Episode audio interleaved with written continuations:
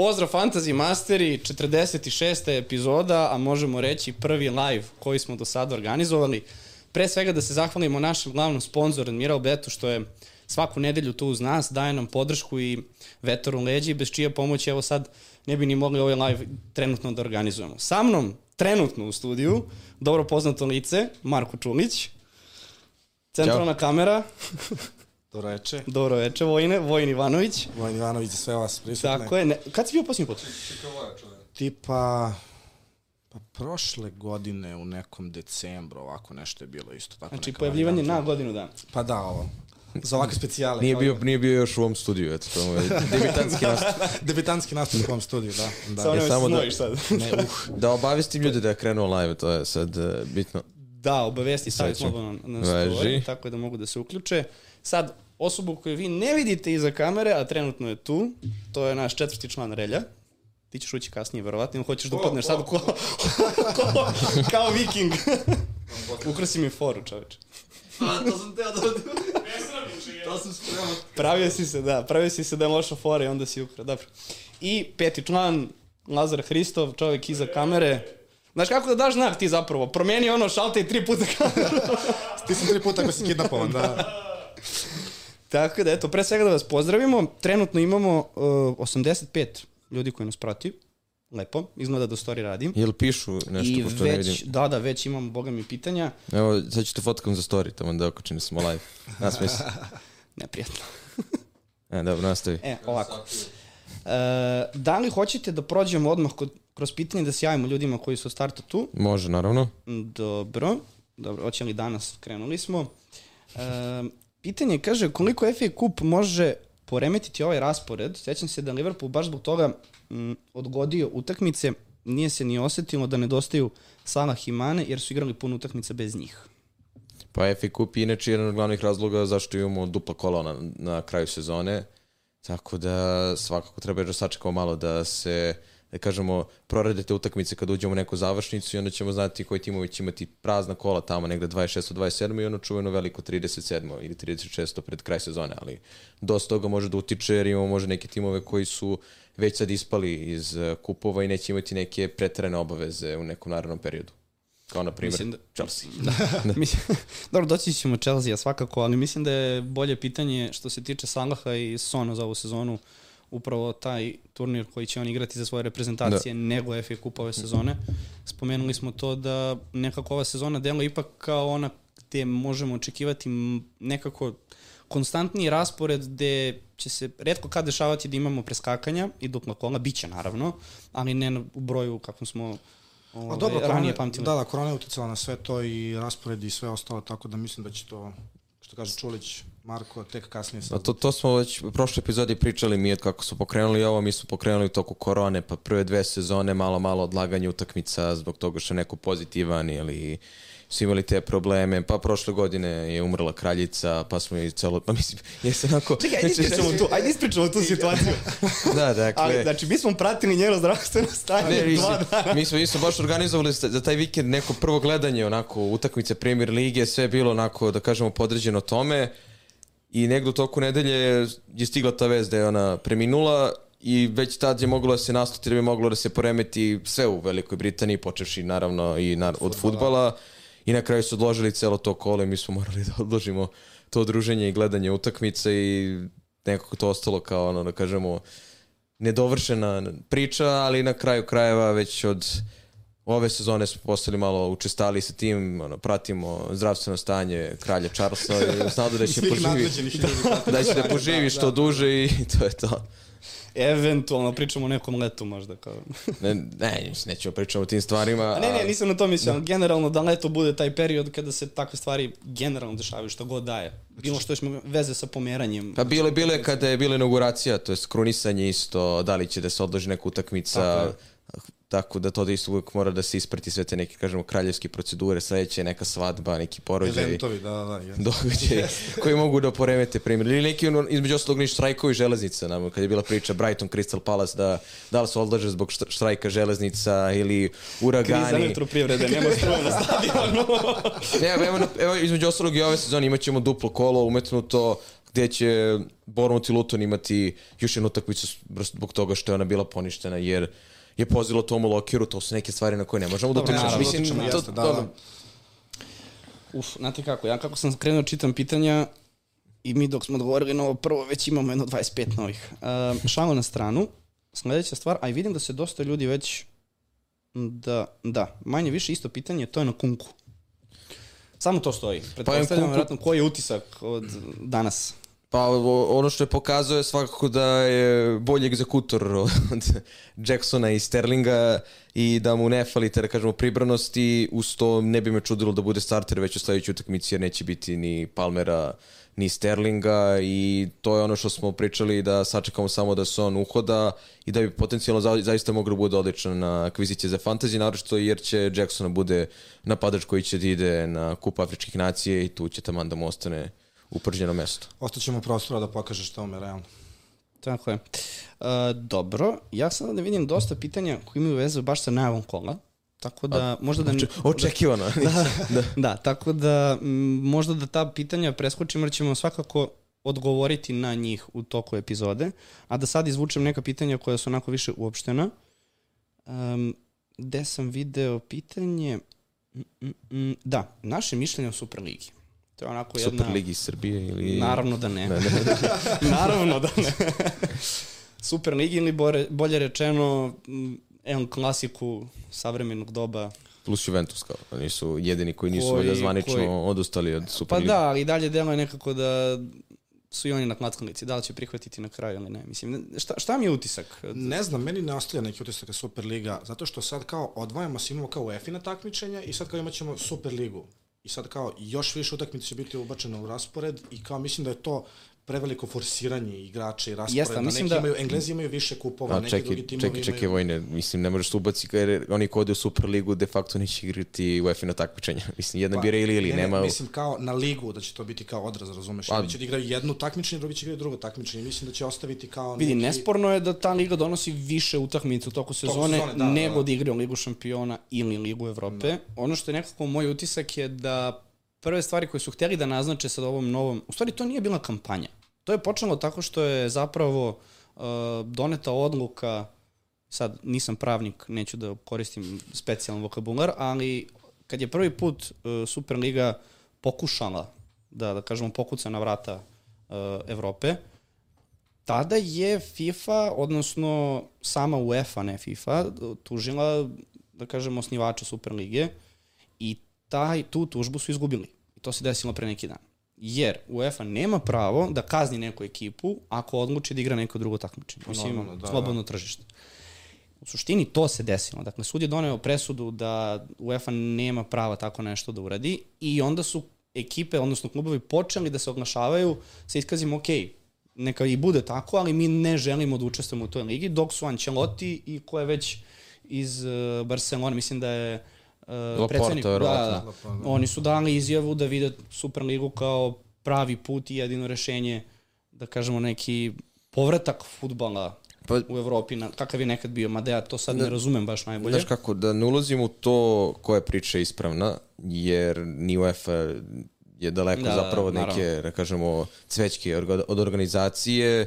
Mislim da je cela, ceo pristup i način na koji je ta uh, Superliga pre dve i po godine došla u žižu javnosti pogrešana iz nekog aspekta marketinga, gde su se klubovi bukvalno odjednom oglasili kako se priključuju projektu, gde je naravno najveći pritisak došao prvo od Engleza, njihovih navijača, bivših futbalera i gde su oni sami jedan po jedan klub su polako otkazivali. Mislim, to je ispalo onako malo smešno, gde klub izlazi, izlazi sa opštenje kako se priključuje projektu Superlige i kroz dva, tri dana se ponovo oglašavaju kako odustaju od projekta.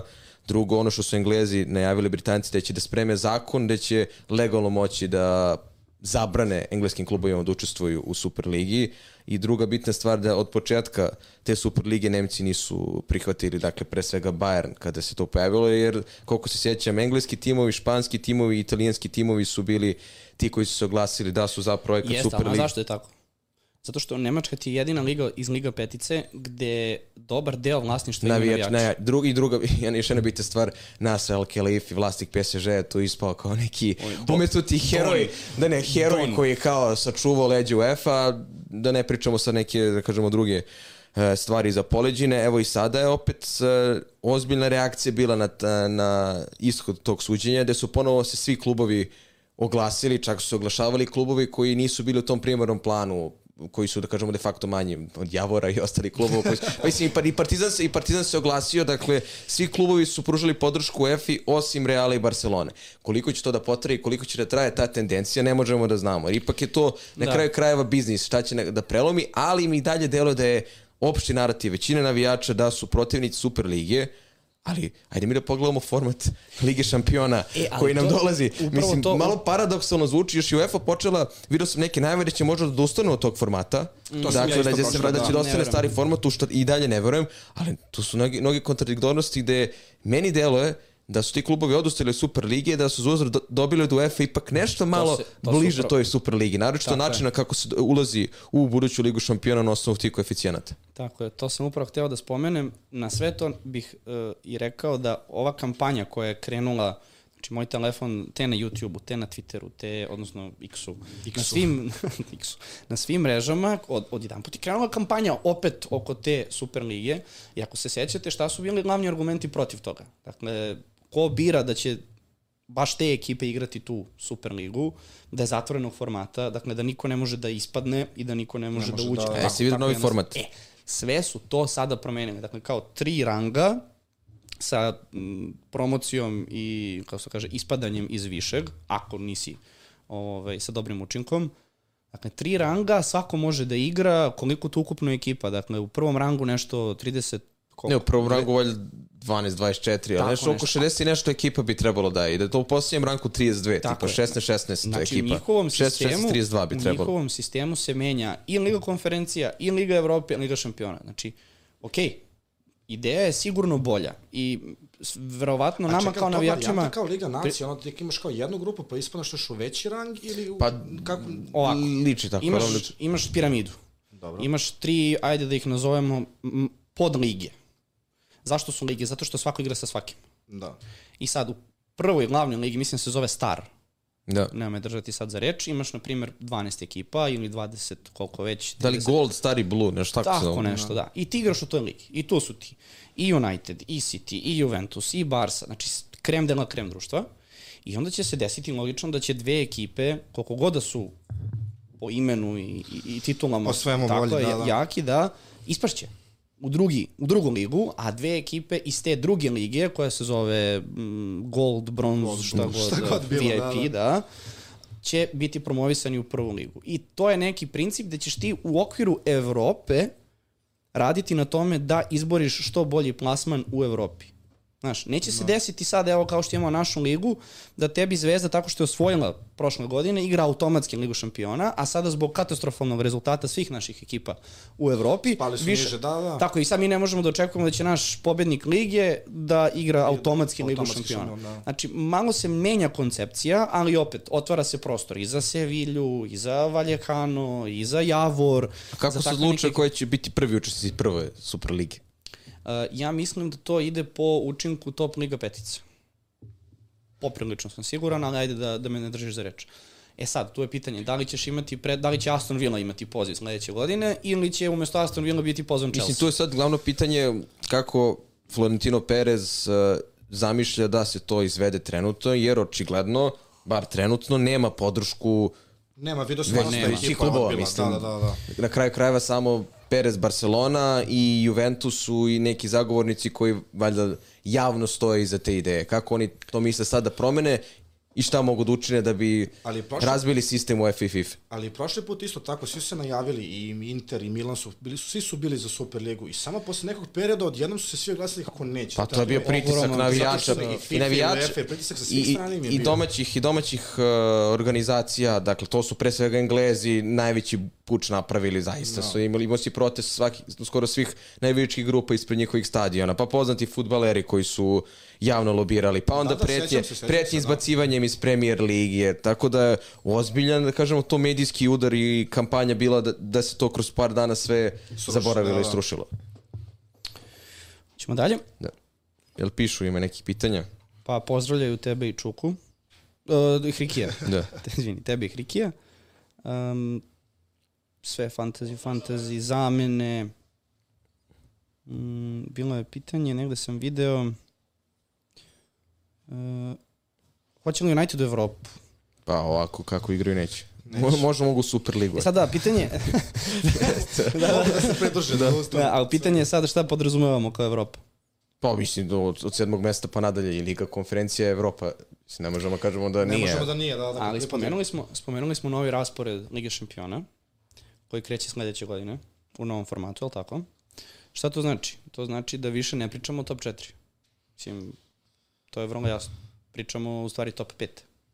Top. Dakle, tebi sada, tebi sada i peto mesto. E sad, ne znam te komplikacije ako pobednik, uh, na primer, Liga šampiona bude neko, na primer, iz Engleske ili iz neke lige, da li ti generalno dobijaš... Dobiješ kao jedno mesto da, više. taj deo nisam ispratio, ali format sam kao grupne faze, kao taj švajca, švajcarski model, pa idu do igravanja, pa ide dalje faza i Playoff, to, da, da. da, da. Mislim, na kraju dana bitno je samo da bude što više utakmica, više prihoda i Svega ostalog 60 što kaže minuta. Čuka, neka kompenzacija za to što nije napravljena Superliga. Dobro, ajde, vratit ćemo se mi na pitanja. Da krenemo polako sa najavom kola, ako se slažete sa mnom. Naravno. I s obzirom da najavljamo dva kola, radimo po našem starom formatu, idemo po ekipi. Dakle, gledamo otprilike kakav je naredni raspored i tu svakako moramo prvo da pričamo o Chelsea-u. Nismo ni planirali da će biti onoliko pitanja za Chelsea, ali očigledno da Još moramo naravno raspored da sada, pošto su danas završili Tako je, utakmicu. odgledali smo utakmicu, izgubili su od Wolverhamptona 2 Dva prema jedan. Tako je. Uh, Wolverhampton, boga mi, kad pogledate učinak kod kuće Fino su kod protiv... kuće skinuli i City, i Tottenham, i Chelsea, zaista neke odlične utakmice ove sezone. Gary O'Neill radi posao, Apsolutno. svakom čast. Ali da se vratimo na Chelsea, naredna dva kola igraju protiv Crystal Palasa kod kuće i ispostavit će se vrlo, vrlo, vrlo nezgodno gostovanje protiv Lutona. Isto tako za Chelsea treba da spomenemo Sterling i Palmer Neće igrati Neće naravno kolu, da, da. Tako je. A, što se tiče odbrane Chelsea-a, dakle da počnemo, Badjašile koja je trebao da uđe kao neka opcija da, da, da Pa smiri mi, su, igru. mi su pričali o Colvillu i o Badjašili, u Jugustu, na kraju krajeva celokupna utakmica danas protiv Wolves je zapravo jedan pokazatelj da je Chelsea još uvek daleko od neke ozbiljne ekipe. To se napisao i u rekapitulaciji e, utakmice neke odluke futbalera na terenu i njihova pribranost u određenim trenucima je zaista sumnjiva, da ne kažem skandalozna, počevši od Sterlinga, mnogo komentara je posle bila, to možeš ti sad Nikola kao neki navijač City da kažeš da je zbog toga možda i prodat i da je zbog takvih nekih situacija napustio Manchester City, pre svega ona situacija Ono je sramno bilo danas, iskreno. 3 da. na, 3 na 0 gde ne dodaje Colville, on, eh, Palmeru ili Jacksonu koji su bili pored njega. To se vršao tako što je šutnuo u golmana. U drugom polovremenu Jackson koji se sapliće ispred golmana. Tako da mnogo loše se dešava u Chelsea i, i prekidi su im isto ozbiljna boljka, to je ozbiljan problem. A imaju dobar raspored, a sada u narodnom kolu neće biti ni Palmera koji ima nekom, nekih 60% effective ownershipa i sad dolazimo u situaciju da možemo da očekujemo konačno Nkunkua kojeg ono najavljujemo Pa dobro, da, dao je gol. Znači, to ono što, za razliku od uh, Jacksona i Sterlinga, delo da je bolji finisher, egzekutor. koliki odraz on ima, jesi ti vidio? Opasan je, opasan je. Opasan je. On je dao tako dva gola, ako se ne varam, City Ligi šampiona, glavom oba. Ali, brate, koliki je on odraz za čovjeka koji ima metar 70 i nešto. Ozbiljno, ne. Mislim da znate, gledam u relju ovde. Gledaš, gledaš, gledaš u ređu zbog, zbog njegove visine. Kao da, da, da, shvatio sam da, shvatio sam da ga ka... Zbog odraza. Da, da. Da, da. Ništa, aj skoči da vidim. Shvatio sam, jer ov- ovde mi ide live, ovde mi ide da. live i shvatio sam da će vjerojatno kamera biti na meni i da, da pričam i gledam u plafon. gledaš ređu. Ali u suštini da, da završimo za Chelsea, mi smo tu spominjali neku opciju 2 do 3 futbolera iz Chelsea-a, osim Palmera, da li vredi imati Sterlinga, Jacksona, pa ev- eventualno Kunkua, na kraju će zaista da spadne to na Palmera i može Kunkua samo da bude zdrav i da nastavi ovako da igra, verujem da će zapravo i biti bolja opcija nego što je Jackson bio. Jackson, osam žutih kartona, dva mu fale do dva meča Ne, suspenzije. on, on, on drugi rekord da juri. Strašno, To. Da, da, on razbija nešto Znači, od drugo, toga da. od tih osam žutih kartona, da li je pet ili šest dobio zbog prigovora, gluposti, zbog pomeranja u, u živom Ja mislim zidu? da je on tri imao kada je dobio peti na taj način. Znači, im, im, znači najmanje onih žut, žutih kartona dobio zbog nekih faulova dobro, da, Da koji je se sprečio sankcionišu za to. ili nešto da je uradio, da, ono, bukvalno zbog prigovora. Pritom, Da. ako se sećaš za Palmera smo pričali, ispostavilo se, iako on na papiru, ili makar kad pogledamo prvu postavu, on stoji kao desno krilo. Mislim, je ova Da. postava Chelsea koja je bila više neke 4-4-2, ako sam Pa sa brojem i Jacksonom je počeo. Da, ali ti kad gledaš utakmicu shvatiš da je Palmer igrač koji je play. Da. I to je ono što ponavljam više puta da u ok, sad neće igrati zbog suspenzije, logično, ali u narednom periodu, ako već biramo nekog igrača iz Chelsea da očekujemo kreativnost, posebno protiv ekipa kao što su Sheffield United i Burnley i takve slabih, ekipe, To mora Palmer. Tako je, možemo da očekujemo od Palmera da će biti taj kreativac, pa da vidimo da li će Jackson ili na Kunku ili Sterling biti ti koji će jednostavno pokušati da finiširaju, ali ne. nešto Ali nešto im ne ide u poslednje Ne vreme, jedino, da, jedino na da. Kunku, ali ajde Da da, vidimo sačekamo. kako I će... sledećem kolu će gotovo sigurno biti starter, jer neće biti ni Sterlinga Dobro, ni. Palmera i eto, pokazne Ali vežbe. iz I eto diferencijala, pa is- eto diferencijala iz fantasy ugla, neće on imati sad neki procenac vlastištva, Chelsea ima dobar raspored, dobar dan. Znam, ali, znaš ako mi pričamo, evo, sad pitanje baš za tebe. Pričamo o dobrom rasporedu Chelsea. Kad god imaju loš raspored, oni izvuku neki rezultat. Ili bude 1-1, ili dobiju to 3-2. Pa najbolje 3 partije su pružili protiv je, Arsenala, protiv Arsenala i City-a. City-a. U jakim utakmicama, Da, jesu. To jest, I onda, i onda ne- ovakvi, ne ovakav može da se raspored, šta se dešava? ne možeš da se osloniš na njih, zato što mogu da kiksnu protiv slabih ekipa, sad imaju baš ono, baš dve, ono, po meni baš da je slabe utakmice, imaju igre protiv Crystal Palace, protiv Lutona, ja mislim da će ih dobiti obe utakmice i mislim da mogu da naprave razliku, ali, ali vidjet ćemo. Ho, ho, ho. ja mislim da će napraviti Mislim, kako neko. igraju, ne gar, na kraju će i Luton da im bude... Ali ne garantujem, ne garantujem. Ne, ne da garantujem. ne garantujem. Da. Ali mislim da hoće. Ima nekih pitanja, Hoćemo šta da- pišu. Koliko nas prati ljudi? Trenutno, uh, 156. To je super. Očekivao sam samo užu rodbinu, poslao sam svima da gledaju. na WhatsApp grupama i na Viberu, razumeš? Pa pazi, velika, velika smo porodica, to može biti... Da, pa da. Da. Znaš, ono, pustili na TV, povezali tamo. Ćao, mama. E, pa pazi, pretežno da, pitanja za, za, za Chelsea, da, bila su za a šta sa Chelseaem? E, na- znaš ko je ostao kao nerešen? Da, šta mislimo o našem reprezentativcu budućim? Ja se stvarno nadam da će on uspeti da se Pa, izbori, bude prvi god golman. nema Sančeza, delo da ga neće biti duži period, on će vjerojatno biti eh, prvi golman Chelsea-a. Imao je neke okej intervencije. Pa znam, šta može da uradi u onim situacijama? Ne. Mislim, ti ga, Pa on, ono, kod onog prvog gola je krenuo na loptu pa se vratio, ali konkretno da ti Lemina daje gol glavama da nije ni skočio je, ide dosta na dušu defanzivcima, dakle E, ne može, ne može to. njemu da se pripiše. Svakako ima i neku dobru intervenciju, potrebno još utakmice mislim, da... prosto, ono, koliko je bilo, desetak metara od gola, lopta Da. stoji na travi, mislim, čak Da. se ni ne kreće, šta, šta možda očekuješ od njega? To je tačno. Mislim, verovatno smo malo i subjektivni sad i zato što Dobro, naš i u kupu je dobro branio, Kuj Stvarno. kupu odbranio onaj penal sjajno, zaista paradu napravio kao kengur i Uvek. Evo, evo baš pitanje sad za kraj. Uh, trebam, trebam, trebam vratiti Haalanda, a imam Sterlinga i Palmera u ekipi šta uraditi i sledeće pitanje da li ubaciti na Kunkua. Pa ja sigurno Palmera ne bih prodavao. Ostaće, ostao, ost, meni bi ostao u timu i naravno kolu makar, to je sigurno će biti na klupi jer je pod suspenzijom, a eto može Sterlinga eventualno da utopi u tu neku zamenu ako ga ne vidi u nekoj dugoročnoj projekciji. A verujem da mnogi vlasnici Sterlinga danas posle onakvih poteza Odmah su ga prodali, da, da. Da. Dobro, pa samim tim i mi smo u problemu sa našom ekipom zato što imamo i Palmera i Colvilla u ekipi, tako da moramo da odlučimo da li- Colville je dostupan. Jeste, jeste, ali da, da se odlučimo da, da li će Chelsea na ove dve utakmice da ostvari nešto ili ne. Jer ako neće, ne možemo da imamo dva, dva startera iz Chelsea, to je svakako puno. Koga dovedemo? Tuhela, nije ovo Euroliga da, Da. mogu da dovedem trenera. Pomešao si sa nečim. E, dobro, sledeći, sledeća ekipa je Manchester City. To najbolji. to je veliki problem u stvari. e, dakle, sledeća ekipa je Manchester City, koja naredne dve utakmice igra protiv Evertona u gostima i onda kod kuće profi, protiv Sheffield United. Ja mislim da je to najbitnija informacija koja je stigla pre sat i po dva da Haaland još uvijek ne trener sa prvim timom. Dakle, oni igraju utorak sa Evertonom, danas je nedelja. Deluje se manje izvesno da će on nastupiti ili biti starter na toj utakmici, a vrlo brzo sledi utakmica sa Sheffieldom. ja bih stvarno sačekao krajnji rok da se dobije bar neka potvrda da je trenirao. Da, Meni, meni, meni, meni, da. meni trenutno deluje da su mnogo veće šanse da ne igra protiv Evertona, da je Sheffield u pitanju još uvijek. Ne znam, da li ti Nikola imaš neke insajderske informacije? A, evo, u kontaktu sam sa njim. Evo svaku, svaku noć pratim. ne, a ja imam utisak da će on igrati protiv Evertona.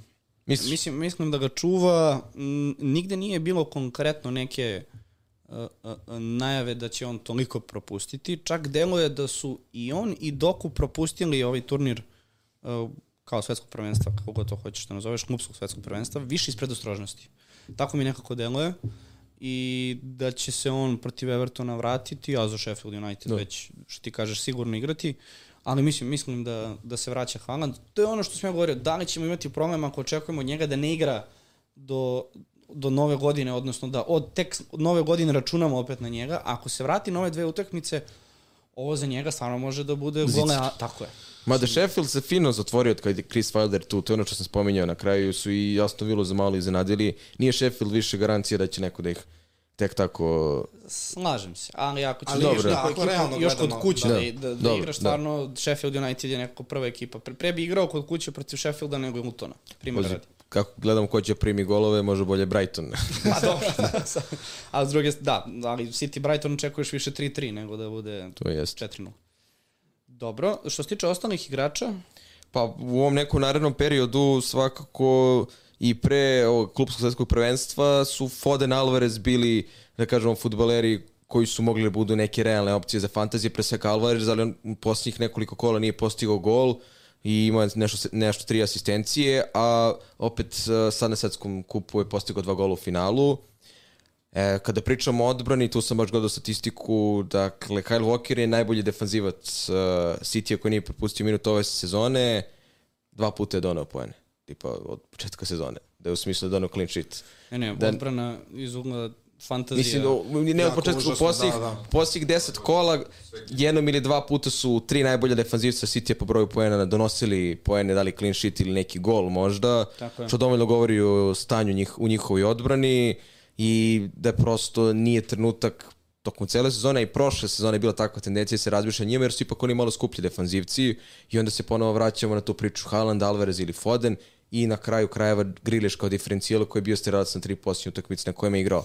Delo je da je uhvatio malo formu. Da, i, da, i, da, i, da, i da će tu doku sad ipak da bude neko iz senke, to je da će Griliš ima ipak prednost i zbog saradnje sa Haalandom i zbog, kažemo, nekih drugih atributa. Tako Zašto da, ne obojica? Griliš je nek ostaje na levoj strani, ali Doku može sasvim solidno da igra. Zapravo Doku, Dokova prva pozicija je desno krilo. Ne bi me čudilo da proba tako. I u su- sredini da budu Alvarez i Foden i da, da, da proba sa... Dobro, i sa De Bruyne se vraća u januaru, to je, to, to je najavljeno, je li tako? Eto, da. Evo ga, osmeh od uveta do uveta. to No, no, no, novogodišnja smo želja, da. novogodišnja želja Nikole, da De Bruyne bude... Dragi uh, deda zdrav. mraze. Da.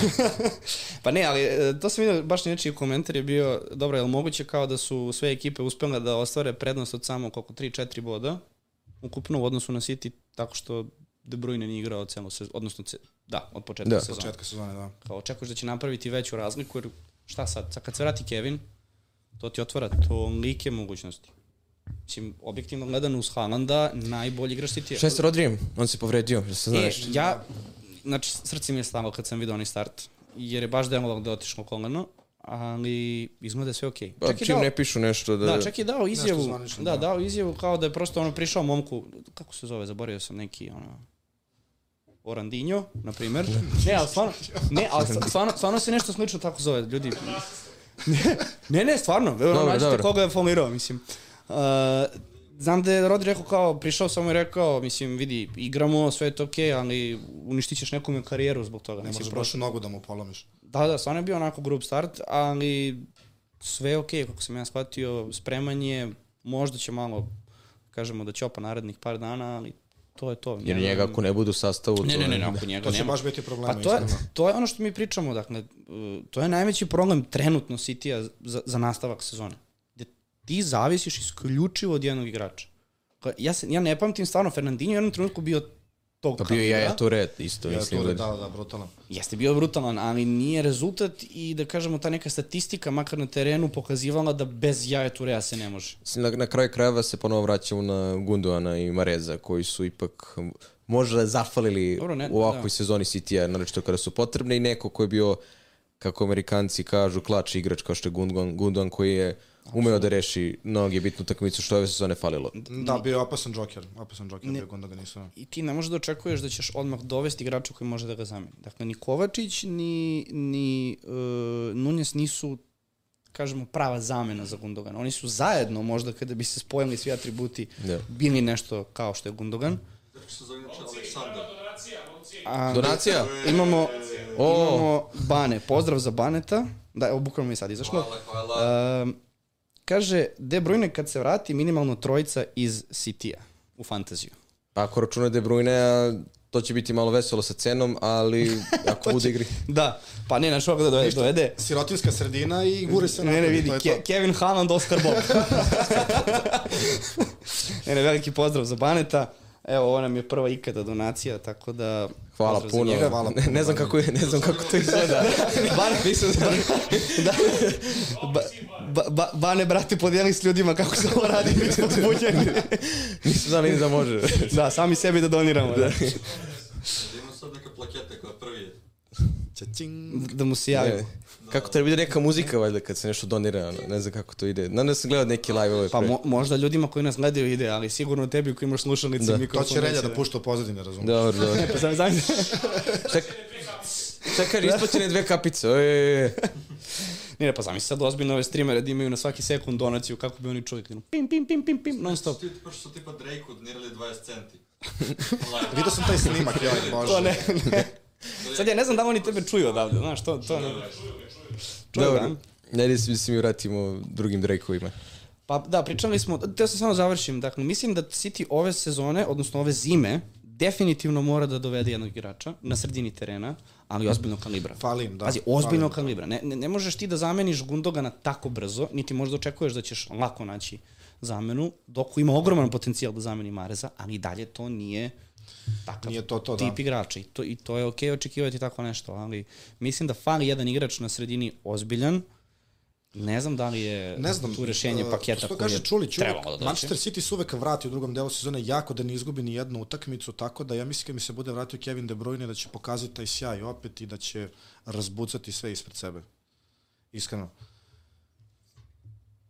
Nikola učutao si. Pa ne, učitao sam da im da li imaš neki pitanje za City eventualno, ili da nastavljamo dalje. Mi ljubitelji futbola navijamo za Aston Villa. Uh, A ko ste to vi? Idemo dalje, a? manje više, pa gledam, Da. m, pričali smo o defanzivcima protiv Evertona i Sheffielda, tu očekujemo dve pobede. Dve pobede, dva clean sheeta. Mislim, da kreda, eto, mi pričamo o defanzivcima Okej. koji nisu čuvali mrežu, ali taj A clean realno, sheet, kada pogledaš, da, mislim. ali retko, ne znam koliko će ljudi da se odluči da dovede defanzivice, ali sad može bude i dobra prilika da se juri skuplji diferencijal jer imaš povređene Glaselsa, Keša koji je suspendovan, Cimikasa koji je povređen, možda može se otvori ta prilika, iako delo je nekako nezanimljivo iz ugla fantazije, što, što zvuči neverovatno da kažeš e, nezanimljivi su mi futboleri, Manchester City za fantasy, to je defanzivci, jer Evo odmah da te prekinem, uh, nova donacija Mihajlo Popović, evo za mog brata Lakija da kupi kredite za Euroligu. Hriki dolazi ovo. Ali ostavi na kameri da se vidiš negde. šta je nešto zezno na fantaziju pa nema više Šta? kredite. Uh, ne znam. Kakav je to OG koji zna... Ništa te ljudi ne čuju trenutno, sigurno. Da znaš. Dođi u kameru. bre. Da se prebacio na... na, na, Ovo je. Mr. Magic Pozdrav kamere. za brata, to je čovjek koji je deo zajednice, na zajednici... Na, na, na, na, Ne, a stavio fazon na mene kameru. Tamo. Studio. Studio nije pravljen za 3 metra. Nisi, mislim. još malo, još malo, evo. Inače, moramo, moramo da otkrijem anegdotu. E, dok nisu dobili nove kamere u mom studiju, on, Pričali smo Lazar, Lazar je na svakih 20 minuta, na svakih 20 minuta je morao da ulazi da pritiska Ovako. kamere. I morao je da prolazi ispod centralne kamere. I naravno, tada kada nismo snimili live, mogli smo da isečemo njegove pokrete gdje izgleda kao slon sa grbom kada onako prolazi i zatrese se ceo studio jer je težak. To kamera ovako Da, radi. kamere skakuće i onda kad su kupili nove kamere oni mogu da snimaju, ali to je zaista bilo mučenje da mi ovako gledamo kako se trese sve kako on klikće dugmiće na kameri. ne, a svaki put možda provališ kad on uđe u studio, pošto Čulić Da, da, gleda ovako neprimetno i smeje se, razumiješ? znaš, svaki Ja obavezno premestim kameru na njega. Da, pa su- prva, pa prva epizoda koja je bila sa Hredomeljom, pa znate šta se desilo. Pozdrav za Krenuli smo, Hredomelju. Da, pozdrav za da, da, da. Krenuli smo da snimamo, mi smo, mi smo se okupilo oko četiri popodne da snimamo sa njim. Ja nešto epizoda se snimalo, kre- sećam se, Krenuli smo, krenuli smo 11 uveče. da Na kraju, na kraju smo ga vozili nazad do Karlovca, zato što nimamo posljednji autobus, pobegao u Strašno. Ali to, da, to je bio dogovor, evo, mislim, valjda se neće ljutiti. Ja sam njemu rekao, kada smo već prošli ono sat i po vremena, trebamo je da završamo epizod, ja mu kažem, ne brini, dakle, ako završimo do poslednjeg tvog voza, vozimo te na stanicu. Ako ne znam. Ako, se, ako ne završimo, vozimo te kući. I samo kad sam ja shvatio šta sam izjavio da su u pitanju Sremski Karlovci, ja rekao, ajde, nema veze. Ne veze, pa autoput u blizu odavde, sudija, pa smo... Sveća obilaznica gotova. Da, ali, ali na sav taj umor i na sve dok mi snimamo, meni, meni je Hriki tu ostao kao, kao, no, ono, kao pik moment, da mi pazi, mi snimamo, preumorni, preumorni. Ja sedim tu, znaš, Aleksa sad isto i njemu, znaš, malo frka, pričamo i njemu prvi put, znaš, ovako pred kamerom i samo vidiš gromadu, dva i po metra, koja, koja puzi po podu. Da, tad sam puzao, tad sam puzao. Tad si- tad si I- puzao. I sad, sad pogledam ovako ovu dvojicu, u mi, trojicu, u miru od svega. Znači, brište.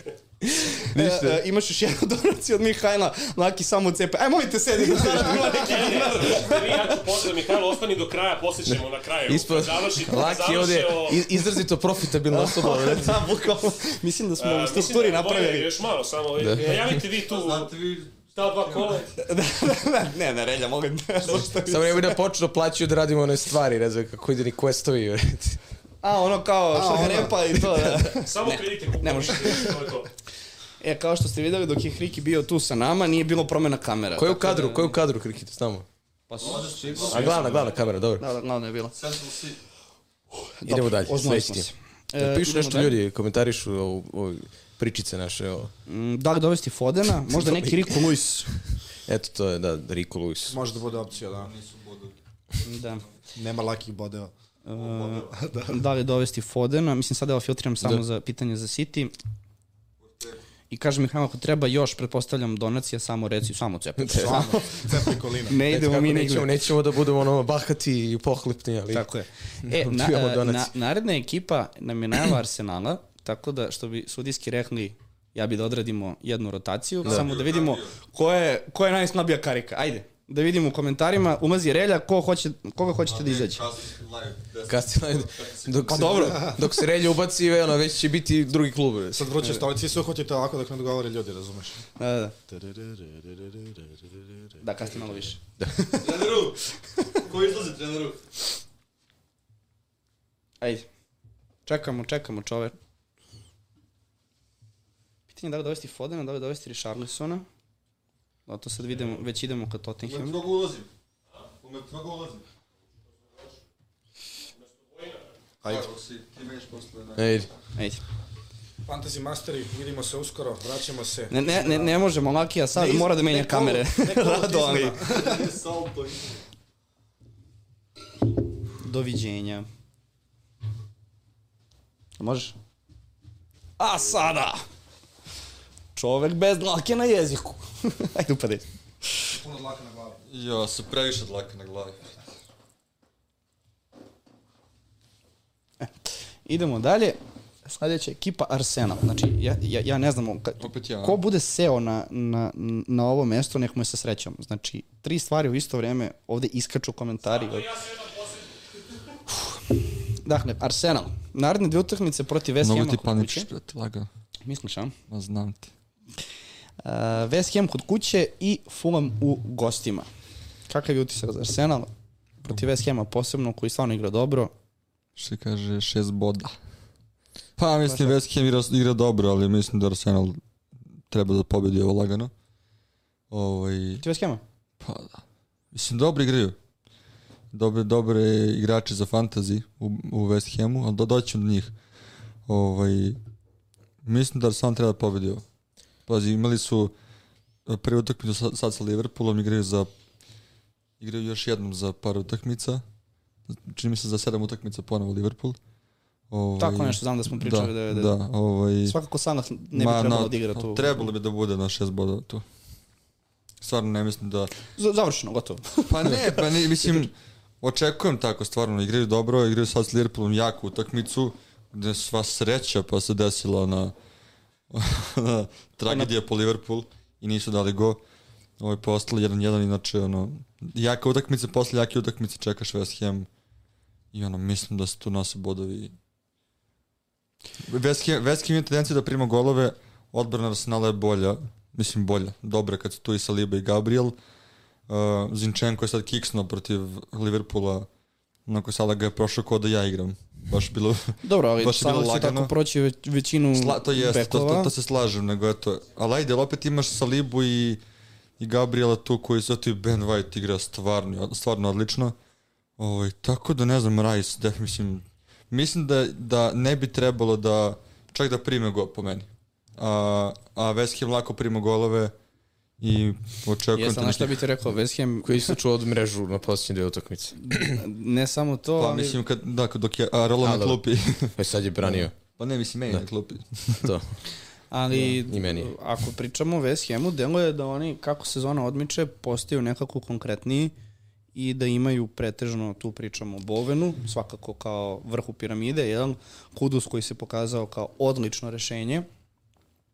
Uh, s druge strane... Jer dobro, War Wo- Prowse, War- čiji je svako, sva- svaki centar šut je potencijalno... Jeste, ali dalje ne- nema tog fantasy učinka, ali opet konkretni su. Mislim, utakmica Da. koje su odigrali protiv Uniteda, iako je to United i to je sad neka druga tema, koliko je tu odbrana West Hama stvarno bila dobra u odnosu na katastrofalan napad Uniteda, to možemo da debatujemo, ali deluje mi nekako, iz mog makar ugla, uh, nakon utakmice uh, sa Liverpoolom, ostao mi utisak da je Liverpool trenutno konkretniji nekako od Arsenala od početka sezone. Uh, iako je rezultat rekao 1-1, delo mi da, je, da više treba da gledamo iz ugla propuštene prilike Liverpoola, Da, da, da, da, da, odnese tri boda nego obrnuto. slažem se. Isto kao protiv Manchester Uniteda. Više je Liverpool izgubio dva boda. Tako je. Tako je. Slaž, slažem se tu s tobom. Uh, zbog toga nekako gledam ovu utakmicu Arsenala i, i, i West Hama kao jednu priliku za West Ham da odigra vrlo kvalitetno i mislim da će Arsenalu biti ipak malo teže da tu izbori. Ma dobro, ja sam sad ovo predstavio kao da igraju protiv, ono, ne znam, Manchester of United, odnosno United of Manchester. Znaš, nije, nije to, nego deluje mi da su imali utakmicu koja jaka sa Liverpoolom gde su shvatili da nisu nepobedivi, nisu invincibles, imaju greške, ima ekipa koji su efektivniji, efikasniji od njih ovaj, i da to se ispravlja. Kažem ti, uh, dobra, de, dobra defanziva, opet West Ham, mi kažemo, sad op- opet pričamo to kako je West Ham ulazi u neku formu. Oni su pred dve nedelje igrali utakmicu na TSC areni najtežu na svetu. Mislim, to je bilo tako, jako skoro. Ne mogu da kažem da neka ekipa ulazi u formu nakon jedne utakmice, dve dobre utakmice, ajde. Ovaj, bilo bi dobro po futbol da, da i oni uđu u trku, evo sad su već ušli u, naš, čini mi sad su šesto mesto, čini ovog trenutka. Nije ni bitno, ali opet tu su priključuju se to nekoj ekipi, ali mislim stvarno da je Arsenal dosta kvalitetniji, pritom igraju kod kuće. Ne, ne sumnjam da, će, da, da ćemo pobediti. Mislim da ćemo, da će pobediti Arsenal. Ja samo da vas stopiram. ti, kao što ti rekao prošli put, izvini. Izvini. Pa, kako, kako je, kako su oči sasijale. Kako? Dollar bill. Ali bukvalno. A, u, brate, mili. šta ti je, šta ti je? Jeste vi Ja sam videli? više ne pao neki gol, brate. Baš finansijski savjet. A, u, dobro. E, ništa, da pozdravimo, ovo je sad neprijatno, da pozdravimo Marka Jagodić, kaže, volim Kuriđa. vas. Da, kaže, samo Čuka nije ispoštovao duks, evo ti ga sad. E, hvala, evo, da kupit ćemo ovaj džemperčić koji si imao za sledeću godinu. Nisam mogao da nađem. sam kupio, ovo, evo, ozbiljno, pitao sam mamu i tetku da li imaju neke njihove džempere, nažalost nisu imali. Pa i, i, da se, i onda sam, o- ovo je nešto najbolje što sam mogao da obučem novogodišnje. Ali pazi, on je ovo live rekao, znači, Pa ne, Ne, ali ovo novogodišnji dok... Sledeće za zamenu. da, definitivno. Ne salto izmena. Ali bukvalno, ali, u, u, čekaj, čekaj, čekaj, imamo mi, imamo još Čuka, imamo još. A sad sad ću nešto da kažem da ne to malo da... Kaže, pa evo Miha, Mihajlo ga je zaređao, kaže dajte neku lepu reč Unitedu na silu. Halo, dođi ti gostuješ, brate. Ali, pa kako je krenuo, da. Bukvalno. Kad dođe United, kad ali- dođe United na red, Tako je. e, mogu ja samo da kažem nešto o, o Arsenalu e, ili o West Hamu? Lag- U vas Arsenal, Arsenal. Mogu ja samo da završim sa Ajde, ljudima koji ajde, su ajde, ajde, donirali. izvolite. Još ima. Uh, Đorđe. Đorđe Malenović. Đole, moja Kaže, Đozla, pozdrav moj za brat. paničkog širera, zna ono Tabane. dakle. Moj brat iz Tabana. Šalim se. Pozdrav za mog brata Đoleta, hvala što gledaš. E, ajde sad možeš. Što se tiče Arsenala, uh, istako bih jednu, da kažemo, činjenicu o Bukaju Saki koji je posljednjih par kola zapravo može biti jako interesantno, to je da u posljednjih šest utakmica više pojena njega su doneli i Odegaard i Jesus, a isti broj pojena kao on je imao Kai Havertz. Sećamo se kako smo pričali o njemu pre, e, da li, da li je sad došao trenutak da možda postavimo pitanje da li je Saka toliko esencijalan, da li može Odegaard može po toj nekoj sličnoj ceni da bude realnija akvizicija Arsenala, a druga stvar, njihova odbrana na posljednjih pet utakmica nam je sačuvala mrežu i to samo protiv Brightona, dakle oni nisu neka garancija, ali opet su dalje tu statistički među najboljim odbranama lige i dalje će tu sa Libi i nekom statku da procenat vlasništva bude relativno visok.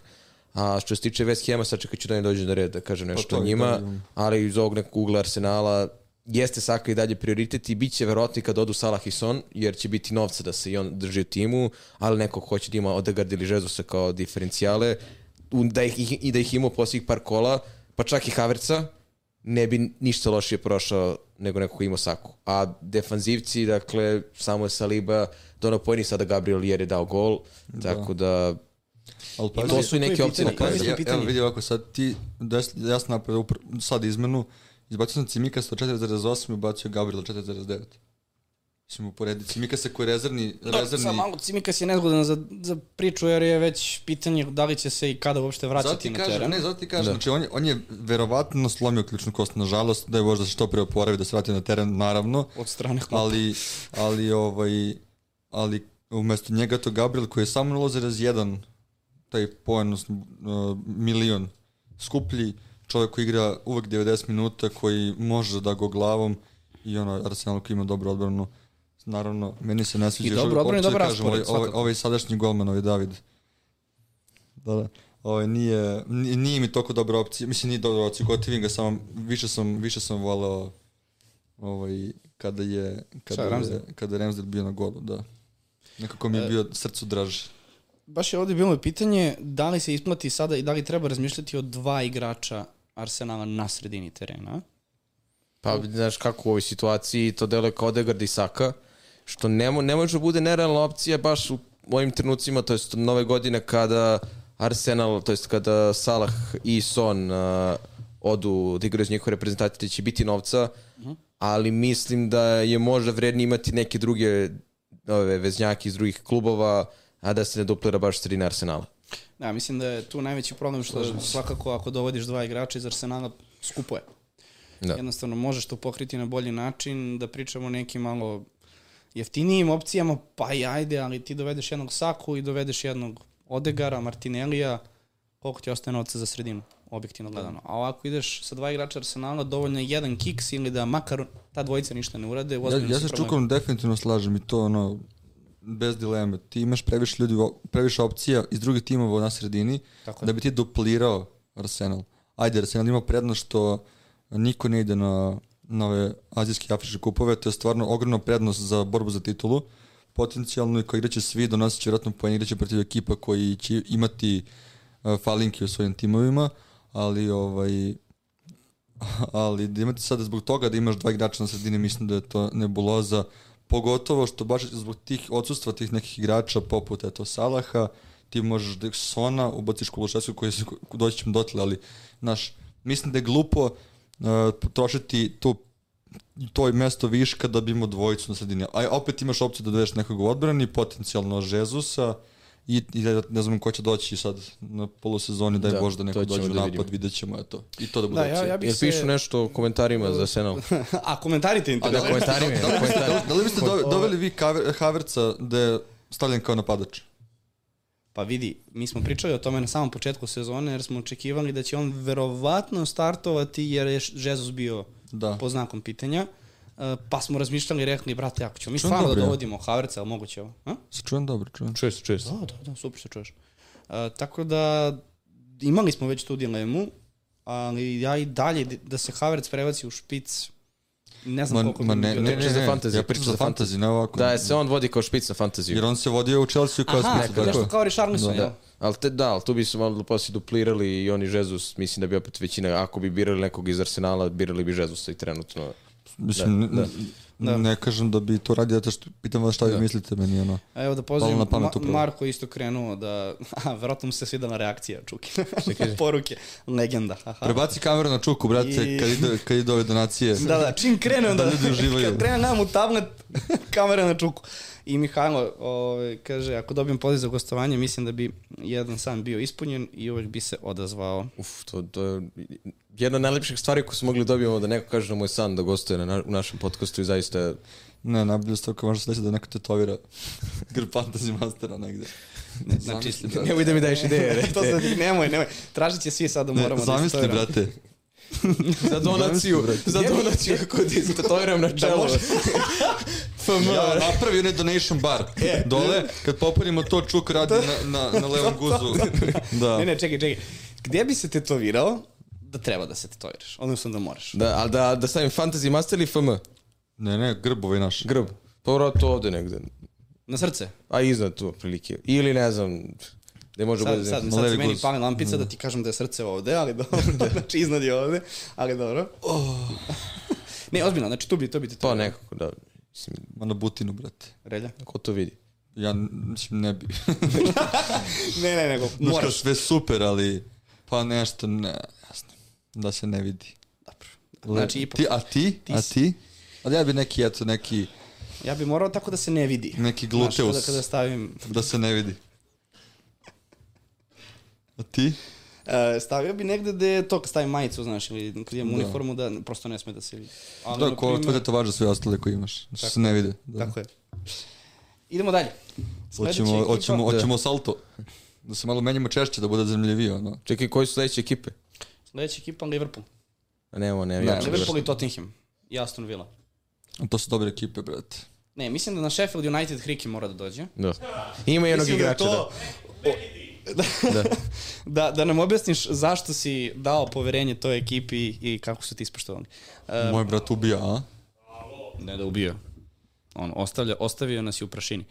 E, sledeća ekipa je Liverpool i imaju raspored protiv Pa stavili smo kao četvrte, kao zbog tog Newcastle, ne znam što ti rekao. izvini. Riki koji sluša podcast svaki put u emisiji i radi kontra. I prvi je, brate, onako naša liga. Pa hvala Bogu, pa mislim. Da. Davno je trebalo da promenimo iz masteri u... U svom fantaziji. Samo gledajte fantasy. Um, da, taj Newcastle, dakle, pričamo o Liverpoolu koji naredne dvije utakmice ima protiv Burnleya, ok, možemo očekivati kao pa, lakšu utakmicu po njih, mada ispostavilo se da ovaj Boxing Day, kada su tako uh, zgusnuti rasporedi, da ni jedna utakmica nije jednostavna, posebno u premier ligi. Ma čoveče, pogledaj, pogledaj samo ovo kolo. Ovo kolo ti je dokaz zašto je Premier Liga najbolja na svetu i da ti nemaš ni jednu utakmicu koja ti je sigurna. Ne, mislim, Ovo je nerealno. gostovanje Sheffield, Aston Villa, to smo gledali ti ja zajedno. Nema, mislim. Da li, da, da li ovo znači da, ja, da je Sheffield bolji od Arsenala i City-a? Jer, Dobro, naravno, mislim, da, da. Ali to ne, ne bi na osnovu tako, tako jedne utakmice direktno... zezam, da, da, naravno, sam- naravno. E, ali za, zaista potvrđuje da da je liga, da je apsolutno svako, svako u neku ruku može pobedi ili da mu naudi. To je I Barley koji, ovaj, Fulham koji da 10 golova na dve utakmice, onda je Odlučio domaćin da- Barliju i gubi 2-0. Odlučio da ne igra tu utakmicu. Mislim, baš onako nerealno, nerealna liga i što je jako dobro. Dobro je za sam fantasy, sad ti dobijaš, znaš, više, imaš sad sve manje istih ekipa. Baš zbog toga. Što dođe Hariki i stavi pola Sheffieldu u ekipu i prvi je. A dobro, nije baš zbog Da, toga, da, da, ali sve. da. E, dakle, rekli smo Barnley, ali nakon toga Newcastle. Da Newcastle možemo- kod kuće. Newcastle je kod kuće. E, za, za, zašto se tu sad pita taj Newcastle kod kuće? Newcastle nije pobedio u gostima od šestog kola. Upravo posljednja ekipa koji su pobedili u gostima je Sheffield sa 0-8 i posljednjih tipa šest utakmica imaju dve nerešene utakmice i četiri poraza. Newcastle se u posljednje vreme nekako više ustalio kao ona čuvena domaćica koja je mm, ono, kod kuće ovako u gostima već klima izgubili su od Lutona u ovom Kako kolu. se nazva? Domaćica. Do, do, dobar. Pa mislim, to je, da Dobar kažemo, naziv za tako timove koji su jaki Do- samo kod kuće. se. I Taj Newcastle. Taj Newcastle. Domaćin. Ali kad smo kod Liverpoola, ovo su verovatno dve utakmice, poslednje da ću vidjeti Salaha i da posle ostaje veliki znak pitanja kako će Liverpool iz- izgleda bez njega, jer ne znamo šta je sa Diazom, da li je uopšte povređen jer je dobio neki udarac u koleno. I druga stvar, mislim da je vreme konačno pričamo o Trentu Aleksandar Arnoldu kao nekom, uh, nekoj realnoj ponovo opciji za fantasy, jer u posljednjih 7-8 kola konstantno donosi poene. I taman ovaj, ovaj trenutak kada će dobar deo skupljih igrača, to je Salah i Son ponovo da idu put Afrike i Azije, da se oslobodi mesto u budžetu, da može da se dovede. I to sve se nadovezuje na povredu Cimikasa, koji će po svemu sudeći biti nekoliko meseci van, povredu Laselesa, povredu Keša, to je suspenziju, gde ljudima ponese se više opcija za defanzivce, a imat ćemo verovatno svi dosta novca u banci u budžetu, da pričamo o tome da su ponovo Salah i Trent Alexander Arnold, to je pre svega Alexander Arnold, esencijalni.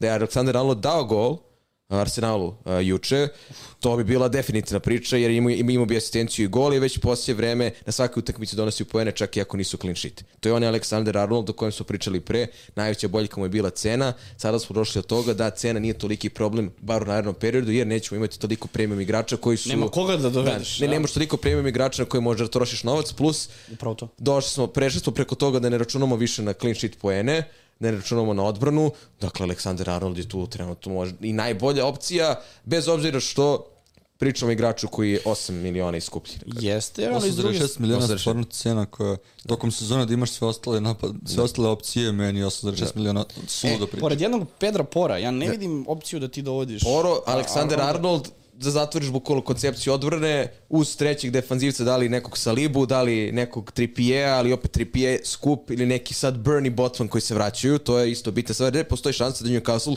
konačno ima odbranu koju je Šar je zdrav, ali tako? Šer je zdrav, Botman je ušao sad umesto Laselesa, vratno će biti starter, imaju Burna zdravog i Trippier zdrav. To je njihova startna odbrana, nema golmana, ali može da se desi da Newcastle sad protiv Nottinghama izađe u svoj prvobitnoj startnoj četvorci. Ali se mi držimo Liverpoola, Alexander Arnold i Salah, tu se sad postavlja pitanje da li vredi imati trećeg igrača ako može da bude.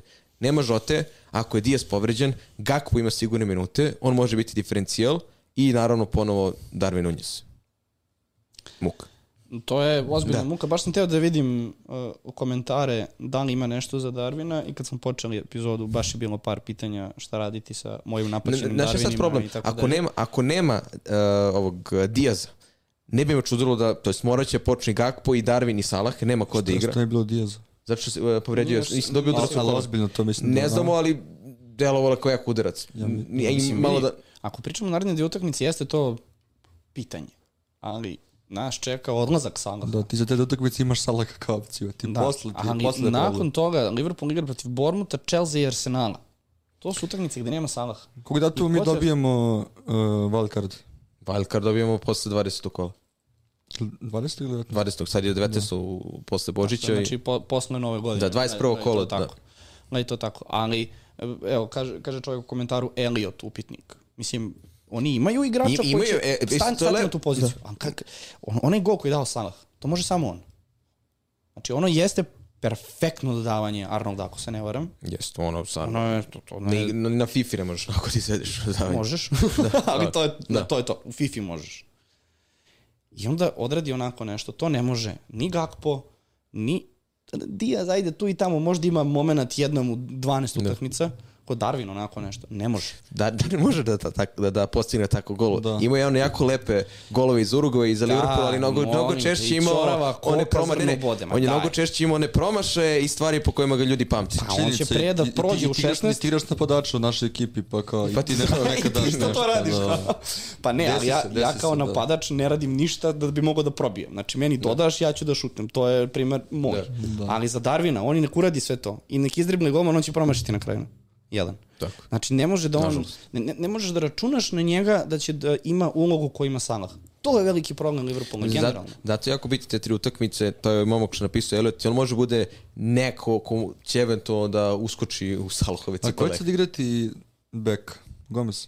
Gomez bi trebalo da igra beka, mada mislim da, ja mislim da Liverpool mora traži sad uh, na tržištu pravog levog beka, jer... Makar o- pozemica. makar pozemica, tako da vidjet ćemo šta će bude što se tiče Liverpoola, ali evo iz ugla nekog fantazija prošli smo prilike, Ja se zna... Kad, mislim ima ono, kad, se, kad se potencijalno sad Robertson na, u, vraća? u nedostatku Salaha može i Soboslaj dobije mnogo konkretniju ulogu u napadu to je nešto o čemu možemo da razmišljamo. Pa, On i ovako je da. bio neka sekundarna opcija i za fantasy, neko ko, od kojeg ne očekuješ da, da ima Salahove brojke, pa čak i brojke koje smo mi očekivali od Darvina ili Gakpa, ali može na nedostatku Salaha Soboslaj može da preuzme veću inicijativu u, u samoj posljednjoj trećini. Evo, kaže Marko, opet samo čuku mi ne dirajte. I kaže Bane, kada će moja plaketa za prvu donaciju? E to, to, to, Od ove njegove prve donacije ćemo da napravimo plaketu. Da, da. E, Pa ima mesta ovde iz ovog trofeja, realno. Ali za njega ne treba nama čovječ. Pa ne, pa šta kakve veze ima da ostavimo čoveka da, da mu se zahvalimo prosto. Njegovu sliku ko Tita. First donation. Može. E, bilo je pitanje ovde... Voksija ćemo salti jedan. Koliko nas da- ljudi gleda? Sad. 177. Dobro, držimo, držimo. Statističaru čoveče. A, dobro. sad, sad je malo više od porodice, sad su poslali komšijama. Kaže, može li se i bez igrača Liverpoola? Pa može. Može. Mo, znaš zašto? Može, jer mislim da niko neće imati prevelik, previsok procenat vlasništva da može da izvuči. Može Arnold bude bio nekih 34%, Mhm. ne bi me čudilo da sad skoči, ali ofanzivno, vrlo vjerojatno da može se proba bez Liv- Liverpoola. Nije uopšte nerealna varijanta da imamo samo Aleksandra Arnolda uh, u tom periodu dok nema Salah. I ima jedna jako bitna stvar i to za gledalce. Seti se kako izgledao Salah prošli put kada se vratio sa kupa Afričkih nacija. Isceđen. To je ono što potencijalno može da zabrine, da vidimo kako će izgledati Salah kada se vrati sa kupa Afričkih nacija. Da li će to da utiče njegove partije? Ajde da vidimo. Da. To su sve dobra pitanja na čiji odgovore ćemo imati. Koje, koje odgovore ćemo imati tek kad se on vrati. Kad se završi sve, da. Tako je. E, pitanje... E pa bilo je pitanje šta je free hit, ali su momci u komentarima već pomogli, tako da, što kaže nov sam u fantasy, šta je free hit, ali dobili su već, dobio je već odgovor u komentaru, tako da. Ko je na penalima kad ode Salah? Pa to... Zavisi ko bude star. Znaš kao, Mekalister, može, može Mekalister. Pa, McAllister da, da, dobra opcija. Soboslaj, Soboslaj jako dobro izgleda penale. Ali Trent, a misli Trenta na penali? Ne verujem da će. Kako bi to bilo? Ti biće neprekidno. Na, na, na, znaš ko? Da. Van Dijk. da je. Što, brate, posivanja da je zavali. Pazi, Darwin neće biti sigurno. Jedno znamo, jedno znamo sigurno. Idemo to, da... da odmah spustimo ljudima očekivanja, da. E, sledeća ekipa, Da. e, sledeća ekipa Tottenham igraju protiv Brightona i Bormuta. E sad, kako ćemo? Hoćeš ja da ispričam na početi? što ima svoje... Prvo, malo ispod radara, malo mislim ispod radara prolazi to da je Tottenham četiri boda od prvog mesta, gde smo pričali o njihovom raspadu sezone nakon što se Madison, nakon što su se Madison i Van de Ven povredili i kad je Romero bio suspendovan, oni su i dalje u nekoj, da kažemo, striking distance, kako bi rekli englezi i amerikanci, dakle, vrlo lako mogu da se uključu direktno u borbu za a, titulu, što ne kažem da će se desi, ali kad se vrati Madison, kad se Ison vrati, kad se Van de Ven oporavi, Tottenham je uhvatio neki ritam sada pozitivnih i dobrih partija, pre svega na krilima igrača koji treba da rasterete malo Sona, pre svega Richarlisona koji vezao utakmice sa postignutim golovima, Kuluševski isto je bio odličan i Johnson je donosio poene, dakle nešto što je trebalo da se desi čim se Madison povredio, ali tu i Richarlison bio povređen, ali ovo je ono što smo mi očekivali na startu sezone, ako se sećaš kad smo pričali sa Hardijem, sa Aleksom, da je ono Richarlison neko tu ko je ono na fantaziju igra na sredini terena, igraće napadača, da li je odličan pik, pa nije mogo da se sastavi. Ovo je ono što se očekivalo da Richarlison na početku sezone, sada to i radi. Ispratio si njegovu izjavu oko povrede. To sam baš malo detaljnije pročitao. Richarlisonu. Nisam, reci. On je navodno imao neku dužu povredu, pff, kako je rečeno, pubisu, odnosno karlični deo. Ja Da. stvarno ne znam šta je bila povreda, vjerojatno mišić ili neki Da. pripoj, ko će ga znati.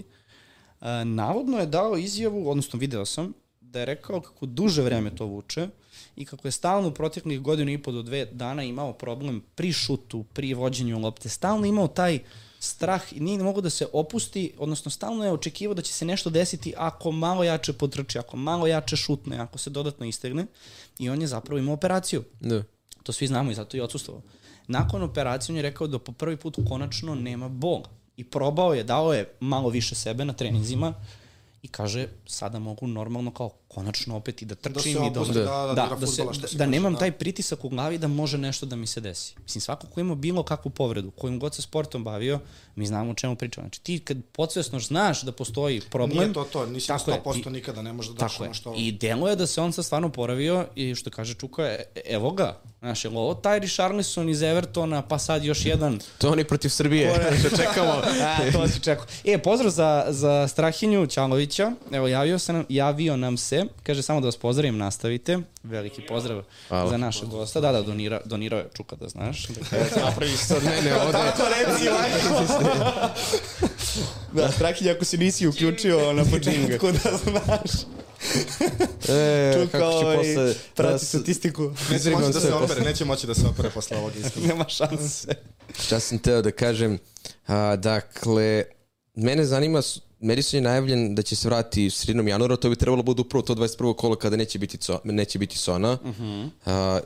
verovatno je neka slična tematika, to je slično razmišljanje kao Zenkunku, da li se odma Madison ubacuje u priču za fantasy, vrlo verovatno da, pod uslovom da on nema propratne probleme sa fizičkom spremom, iako je on tip igrača koji svake sezone kroz karijeru imao Vario, određene, jeste, određene da. probleme sa povredama, nekad i malo veće. I da li će taj odlazak Sona više uticati sad na ekipu e, nego odsustvo Madisona, jer će se bukvalno poklopiti da ćemo sad imati tim sa Madisonom u timu, al- ali bez Sona dva, tri kola. Ali ovo što su pokazivali, dakle Son se prosto ispostavilo, postavio kao neka maskeva opcija, a imamo dakle Richarlisona, Kuluševskog, Johnsona, kao neke opcije koje su posljednjih par kola donosili poeni i mogli su budu odlični diferencijali, plus Pedro Poro pozadi, sad nije donao poena protiv Evertona, ali ne računamo defanzivne poene, prosto ove sezone je jedan od najboljih igrača što se tiče ofanzivnog uticaja, a da je defanzivac. Da. Boksi, šta očekivati, evo pitanje imaš, uh, da li je Richarlison sada must have? Po meni, iskreno da, pošto je dao četiri gola ovaj, na pet poslednjih utakmica, Mhm. tako da mislim da može da iznese naravno dva kola opušteno i da se ja pitam, ja bih ga stavio. To je ona teorija, dovodiš igrača ako su u formi sada, iskoristi tu formu. Ali na duže staze, da li će se to isplatiti, to je pitanje, ali sa odlaskom Sona, stvarno imamo ozbiljno prostora za Da. razmišljanje. Jedna druga stvar je što Tottenham nakon odlaska Sona čekaju United, Brentford, Everton i Brighton, da ne idem sad dalje. To na papiru i nije toliko loše ako bi forme ovih ekipa ostale kakve Ostale su gde trenutno. su, da. Dakle, protiv Uniteda možeš očekivati da će dati 1, 2, 3 komada, generalno ekipa. Pa Da. sad pitanje je ko će biti u poenima. Protiv Evertona, ajde, vidjet ćemo daleko je to, ali igraju Da. kod, u gostima, tako da može biti zeznuta utakmica. I protiv Brentforda, tu je sad pitanje iz Opet. kog ugla gledaš, da. Da. Mislim, svakako tu, ako pričamo o Pedru Poruku, jednoj vitalnoj opciji i možda većem must have ako se slažete sa mnom, nego Richarlisona. Trenutno Naravno. Dobro, Pedro Poro, to smo apostrofirali još pre par tako je. epizoda da je neko ko je prosto Tako skoro je. zacementiran u defanzivnim Ti sa dovođenjem. Richarlisona potencijalno ostavljaš tu malo prostora za jedan povratak Madisona, a znamo kako igra na početku sezone. Ostavljaš malo prostora da imaš i Sona, odnosno da imaš tri igrača iz Tottenhema. Možda će jedan Johnson, možda će Konguševski, koga uvek zaboravimo kao jednu... I koji se možda, pojavi, da. Da, Jeste. koji se pojavi. Na, previše tu zatvaramo samo zbog Richarlisona, a opekli smo se na njega više puta. Postoji šansa da tu, da, postoji tu šansa da prosto budemo malo pri, oprezni, ostavimo uh, opciju na, na Pedru Poru kao nekome ko mora da ima mesto u našoj ekipi i onda da vidimo kako se nastavi sezona. Totih je možda opet uđe u dobru, dobru formu povratkom Madisona, a možda Može je da čovek lako, završio da. najbolji deo svoje karijere u tom klubu do ćemo. Da, to je, to je nešto što nam je malo nesigurno, a opet Tottenham nuliva poverenje koje imamo na početku sezone da možemo Da. tako nešto očekivati. Samo da im dalimo neko pitanje dodatno.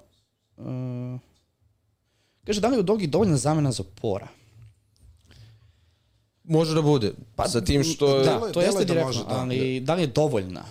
Pa to, to se ono gleda da li može da pokrije. To je isto Da. bila priča da li Alvarez može da pokrije Haalanda, Alanda, tako je. pa ga nije pokrio. Sad, uh, ako gledamo onu varijantu jurenje clean sheeta, teško, ofanzivno i dalje više doprin, doprinosio porom, a da i u dogi imao svoje momente golove. da, da. Mo, može se proba sa njim, sa nekim stavom, on je onako kao alternativa za pora, opet iz Tottenhima, ako uzmu clean sheetu, dakle uzet će por, uzet će u dogi, ali isto tako može se desi da odi na drugu stranu sve. Dobro, idemo dalje. Minus. E, Aston Villa.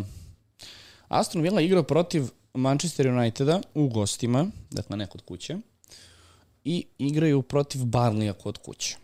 Tu sada imamo jednu temu generalno Vile, kao najvećeg iznenađenja, to stalno apostrofiramo. S druge strane, bili su u prilici da budu Prvi na tabeli. prvi na tabeli na Božić, što je stvarno, Sjajno. Da. ne da je sjajno, nego mislim da, da se ni oni tome nisu nadali. Uh, pričamo o, pa, znaš kako, Watkins je tu nekako svakako najbitnija karika i ostaće sigurno tokom sezone, osim u situaciji da se ne povredi. U suštini, tu se- da. Da, to je... Uh, iz odbrane, zbog povreda i sad pitanja kakve, kakva nastavka sezone, moje prvo pitanje je da li od 21. kola treba da razmišljamo eventualno o Martinezu. Kao golmanu? Da. Jer već radimo taj neki wild card, pod pretpostavkom da. da radimo odmah. Znači, ne da čekamo neko proleće, nego odmah da radimo. Da li je Martinez jedna dobra opcija? Jer ako pogledamo raspored Aston Ville, nakon 20. kola imamo Everton, Newcastle, Sheffield United, United, Fulham. Manchester United. Da, da, da, pa dobro. Sheffield United, Manchester United, Fulham. Dakle, ako Aston Villa nastavi ov- ovom formom, um, možemo očekivati da kažemo clean sheetove, ako mene lično pitate. Jedini je tu problem ko iz odbrane sad imamo, znači i Keša koji je ostao sa strane, nema više nikoga na, na, u odbrani prosto da, da računamo na njega koliko je tu golman krucijalan. Onda odemo u vezni red. Imamo Luiza, imamo Megina koji se smenjuju očigledno ko će kako da, da učestvuje. Da. Onda imamo tu situaciju gde smo pričali da li će biti Diaby ili uh, Leon, odnosno Bailey. Bailey. Tako I je. obojice su počeli protiv... I obojice su počeli i deluje da priča između njih dvojice je slična kao sa Luizom i Meginom. Je li tako? Pa nije, mislim, znaš, znaš je tu glavni nekako moj utisak, eh, ne mogu kažem problem Aston Villa, ipak su oni na trećem mestu i na kraju ovi kiks protiv Sheffielda ih nije skupo pošto, pro, košto, samo nisu iskoristili priliku da budu prvi Jesenji na tabeli. To je ono što smo rekli, da Aston Villa pobedila Sheffield, a Liverpool i Arsenal su odigrali nerešeno, Aston Villa bi bila prva na tabeli, gde nijedan drugi igrač, pre, pre svega sredine terena, tu mislimo na Baileya i uh, ovog Diabija, trenutno nije konstantan što se tiče donošenja poena, a Luiz je prvi njihov futbaler, to je najviše poena doneo da se nalazi na sredini terena, a opet je po nekoj poziciji neko od kojega ne bi trebalo da očekuješ da će da donosi više poena od Baileya i Diabija, sa tim što je Luiz na prekidima i na penalima tu, do, tu je uzeo dosta poena, evo sad je asistirao za Njolu kod gola, čak u neku ruku bolje imati Luiza nego nekoga od ove dvojice gde možda neko i ne bude starter, da duše tu sad imaš i uh, suspenziju Kamare i Tilemans imao problem sa povredom, a defanziva, svi smo počeli sa pričom oko Keša, pa je Keš kako vreme odmicalo. Pa, Na kraju da. krajeva Kešova ona partija protiv Barlija od 17 poena. Zapravo Ona bila se jedna velika, pokvarila, jedna da. velika dimna bomba, jer je nakon toga uzeo još dva puta po 6 poena i skoro na svakoj sledećoj utakmici ili bio da klupi ili su primali golove ili dobio žute kartone. Dakle, on je faktički preuzeo ulogu od Lukasa Dinja kao nekog FPL trola. Troll najveći, da. Dakle, on je sad protiv Sheffielda u 80. minutu bio na 9 poena, završio utakmicu s jednim poenom, primili su gol i dobio žuti karton, čak i uspio da se povredi i da se suspenduje. Dakle, onako, je jedna, jedna onako tužna priča. Uh, Pau Torres bi bio po mom mišljenju prva primarna opcija zasigurno, ali se povredio i neko ko ima i dosta tu uticaja u napadu posle prekida, ako neko gleda neki statički onako, to je statistički druge parametre, Konsa isto neko ko igra 90 minuta, može da se proba i sa Dinjom, dakle mi se vraćamo na onu priču o trolovima Keš pa Dinj, Dinj je ove sezone malo, da kažemo, normalniji, nema ispade, ekscese, autogolove, više će poena na kraju doneti nego Keš, ali mi ako uzmemo Martineza u našem primjeru, mislim da ne treba da uzimamo i defanzivca Aston Villa, da imamo dvojicu za Aston Villa. Ne, ne, ne, nisam, nisam Da. to ni sugerisao. Ali samo ako je- neko planira defanzivci za, za Aston Ville, na kraju krajeva, ako je Pau Torres zdrav, on će vjerojatno biti primar, trebalo bi da bude neka primarna opcija, ako juri bekove, nešto što je bio Cash, onda Dinj, ali znate kako, ono, Dinj isto ima istorijat svojih Da, ve, veliko je kockanje sa tim, sa Dinjom. Veliko Dobro, kockanje. a najava naredne utakmice Aston Villa United? Da li možemo mi da karakterišemo Manchester United kao da su favoriti? da, da li, da li, da li Manchester, igra se na Old Traffordu, da li Manchester United je zapravo favorit u toj utakmici? Relja je ušao da ti izbaci iz sobe. Nije, nije, okej. Mislim, Manchester United, Da. ajde da se... Da, može. šalis, da, naravno, naravno, jasno. Nije postigao gol na četiri prethodne utakmice, uključujući utakmicu protiv Bayerna.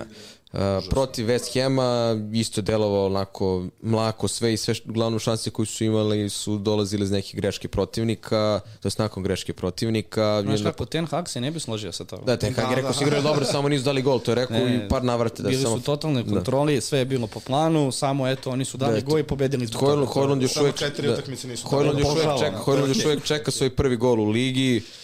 Evo danas je Nkunku već postigao više golova nego on. E, Zaista je onako deprimirajuća situacija da me apsolutno ne bi čudilo da se ponovi neka utakmica sa Bormutom, da se dotakne neko novo dno. Ne deluje mi ni da prosto igrači više veruju u sebe, niti da znaju šta rade na terenu. I Na tome bih završio. Prosto Upravo takva je to situacija. izgubili su to samopouzdanje, nekako nije to to, ni te se nešto podignu, odigra jednu utakmicu, dve kako treba i onda, na primjer, desi se ovakav kiks za ti četiri utakmice, ne daš ni jedan gol. Ma nije to- kiks. To ja mislim kad kažeš da je kiks kao da eto nije, im, nije se potrefilo. Oni ne znaju gde, mislim stvarno ne znaju gde je bio. Oni, oni nemaju startnu postavu. Znači oni na svakoj poziciji imaju po dva, eventualno tri igrača, oni dalje ne znaju ko tu treba da bude startna postava. Čemu pričamo? ih i niko ništa ne radi, imaš pravo. Imaš pravo. Imaš Rashforda koji od odlaska Mourinha i dalje ne zna da li je levo krilo ili je špic. Pritom ima Ništa, samo menja frizure iz utakmice u utakmicu i to je to. Pa dobro, da, mislim, to im je nekako generalno i odlika u poslednjih par godina da rade. Generalno svi igrači, da im je taj neki ovaj, marketinški deo i ta nekako...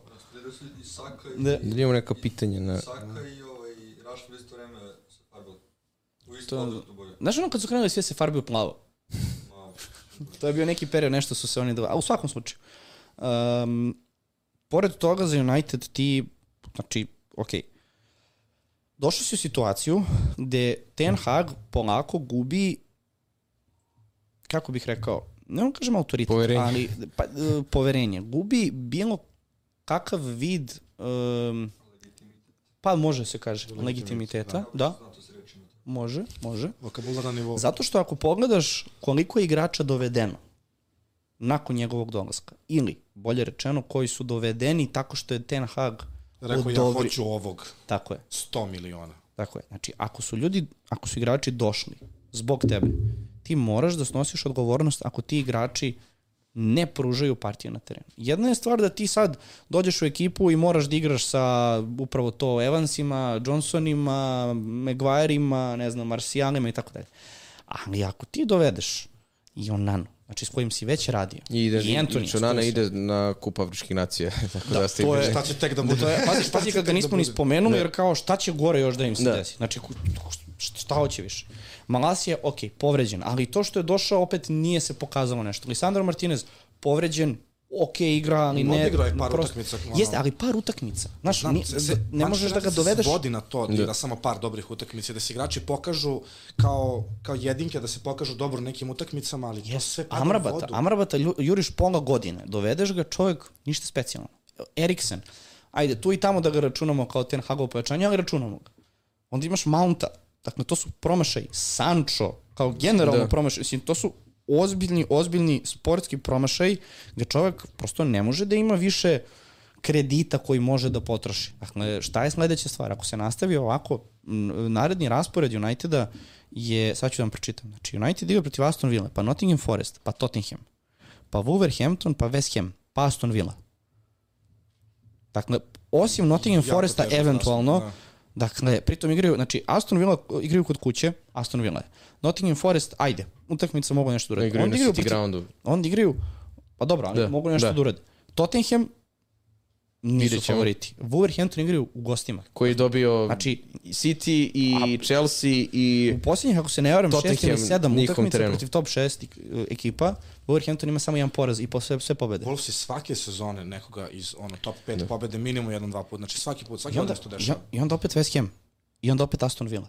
Dakle, oni tek imaju Luton u gostima Luton koji svakome... Postoji šansa. 17. februara. Postoji šansa. 17. februara. A ako gledamo Onanu koji ne igra, naredni 21. 22. To su vam 23.. utakmice protiv Tottenhama, Wolverhamptona i West Hama. Dakle, to su tako... Da. Šta? Zato, zato što spominješ pričamo, biti mi, da. mi, mi pričamo o timu Ali- koji ne može postigne gol, kojem odlazi golman. Ali, eto, to je, to je, to je veliki Aj- problem. Ajmo dalje, drugi klub. Već se iznervirao. Dosta više. Da. E, dobro. Ne vre nešto drugo. Trenutno. Idemo dalje, samo sekund. Zašto je meni... Da, pa, mi smo zapravo stali kod Aston Ville, ali smo prešli Manchester United. Dobro. Naredna ekipa Newcastle. Igraju kod kuće protiv Nottingham Foresta i onda u gostima protiv Liverpoola. Legija povređenih. Tvrdo. Mi smo sad smo spomenuli na početku da i pored tih ozbiljnih problema s povredama može se desiti da, to je vrlo vratno će se desiti da im i konačno barem defanzivna linija i postavka budu onako kako je bilo zamišljeno na početku sezone.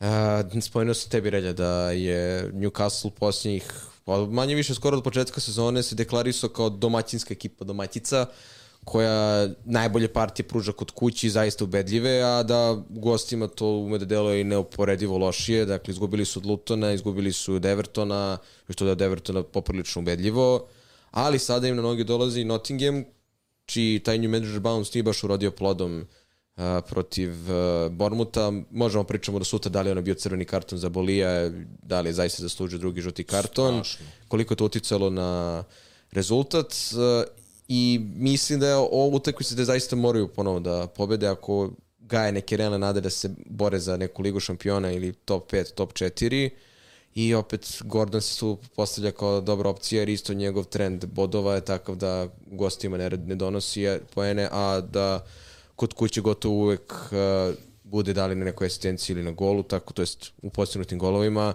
što je, bi trebalo znači da će protiv Nottinghama da donese bodove ako se to ako se prati taj trening da će Newcastle odigrao dobru partiju. Imamo zdravog po prvi put i Wilsona, to jest nije možda po prvi put, ali redko kada imamo zdravog i Wilsona Isaka. Wilson je odigrao 90 minuta protiv Lutona. Sad treba ponovo da igra utakmicu par dana posle. Da li će on moći da ponovo odigra 60-70 minuta, da li će biti starter. Realno ime da Isak, Isak bude starter, a i da se onda njih dvojica smenjuju, jer obojica očigledno nisu u stanju da fizički izdrže ovakav ritam. Utakmica, ono što je da. dobra stvar za Newcastle, ispali su iz Lige šampiona, ispali su iz Evrope, ispali su iz Liga kupa.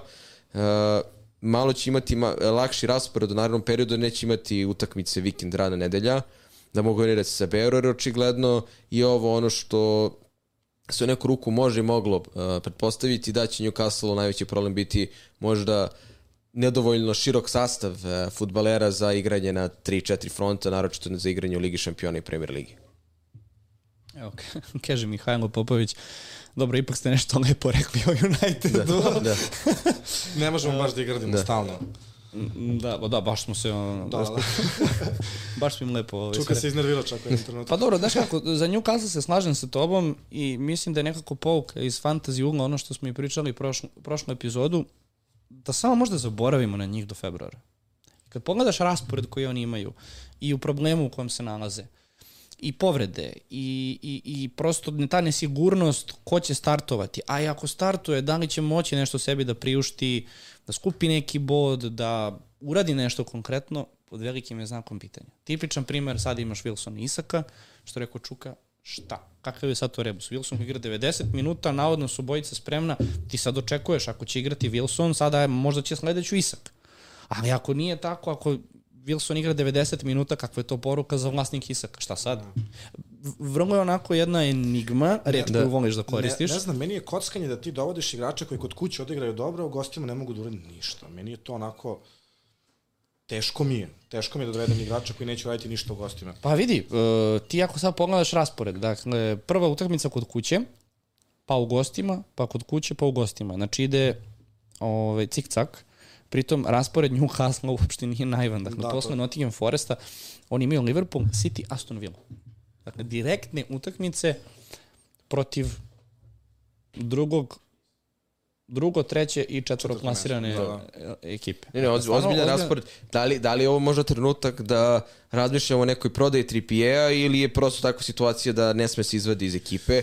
Ponovo imao loše odluke i loše poteze protiv Lutona, dakle kao da neko oduzeo magiju, to malo zvuči pogrešno, ali zaista imao neki kikseva u posljednje vreme i verujem da to i do umora i do prezasićenosti, te bliž, blaže povrede i napuštanje uh, tabora engleske reprezentacije iz privatnih razloga. Ne, ja ne verujem da je njemu mesto startno kao beka ugroženo, ali ne bi me čudilo možda da dobije stvarno neki odmor, da se resetuje, jer ovo što on pruža nije dovoljno dobro, a ne jedan je najbitnijih igrača Newcastle, naročito kada nema Tonalija, pričali smo o tome koliko je njegov uticaj na igru uh, bitan.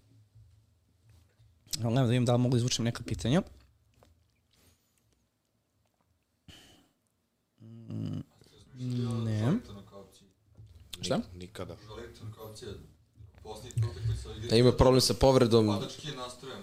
E, jeste, ali prosto, ako imaš već Gordona i, i da li ima prostora da se uzmeš neko iz Newcastle? To, to za Imaš Jonathan Gordona, imaš Isaka ili. Wilsona.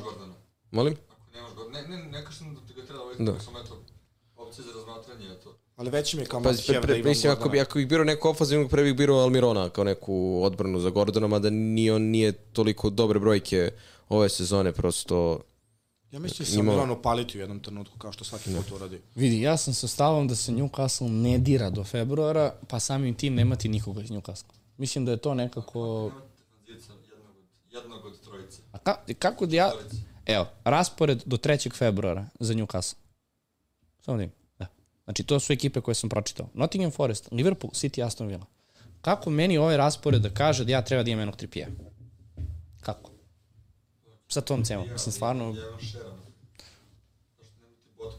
Dubravku na golu, njega zaboravljamo sve vreme. Pa znam, Na jednog ga su mislim, ga doveli, ima ga... to, to što je jeftinije Da. da. nekako mi opet, mislim, i, i nek su jeftiniji od toga, na, mislim da postoje bolje opcije. Preću duplirati odbranu Arsenala sa West Hamom, Fulhamom, Crystal Palaceom i Nottingham Forestom, nego da imam jednog tripijeja koji stvarno trenutno ne pokazuje Da. tripijerske brojeve, jel? ako ćemo to tako da, da zovemo. Sezona Ali- onako za nedopliranje odbrane, jer tebi je ova cijela sezona GG. Ja svako Ćete vi da se zamenite? Pa ne, ne, mo- možemo, možemo, sad ide nova ekipa, tako da zašto da, ne. Pri- Svaka ekipa prima da baš malo clean Ne znam, ja konstantno pričam sa Čulićem i Čulić mi svaki put govori nemoj da razmišljaš o clean sheetu, a što ga nećeš dobiti. Ja kao svaki put idem kako po clean sheet i nikad ga ne dobijem. E, moramo samo jednu stvar. Ajde, sad Ovogodišnja ćemo, želja da... Novogodišnji želja da clean Clean sheet ovo bude. sad ćemo da se zamenimo. Ili ima pitanja neki? E, nema sad, sad ide, ide, idemo najavu West Hema. Sad ćemo da se zamenimo i taman ja da sredim ovu centralnu kameru, malo je otišla. Gde ćeš ti? Pa ide reljamo se njegu. Ne, ne, ja ću da... Ja ću sad. Aha, hoću. Ja ću sad, pa će posle čuka. kad izađe čuka, kad krenu da ređuju. Paracije. Šalim se. Uh, ajde. Uf. A? Ja ću. Zato što kad se sedi ovde, uh, Kris, a? Ma ništa, nećemo tu se put ćemo da se pomeramo. Welcome back. Hoćete meni? Da ti nisi iza podcasta da ja nisam... Ko, koliko je bolje sve, a? Samo mi... Ko je sledeći? Evo, evo, Ko je sledeći u tome? evo, Ne diraj mi vodu. Evo, ne ko, vodu. evo komentari. Kako je dobro sve sada? E, ja moram Koliko je bolji podcast? Ja se skuo, čekaj. Uuu. Spustio sam dole. Ovaj, šta smo rekli, sledeća, sledeća Sledeća ekipa. ekipa. Imaš, imaš tu, imaš tu uključeno, ja mislim. na- Sledeća da, ekipa da. je West Ham. Kako mi je ugasio, da, da ne vidim. Evo ga. Nije to to. Sad ćemo da nađemo, nema veze. Kažete West Ham. Sad ćemo naći, ali da, u Sledeća- suštini, u suštini uh, pričamo o West Ham. West Ham, Arsenal kod kuće, ne, Arsenal tamo i Brighton kod kuće. Pusti, si naš? Nisam. Nikola, daj da mu pokažeš, is, isključio si mu Gde si stavio ti ovo? Word. Isključio si mu Word. Sam isključio vodu tu. Čekaj. Gde? Gde si stavio?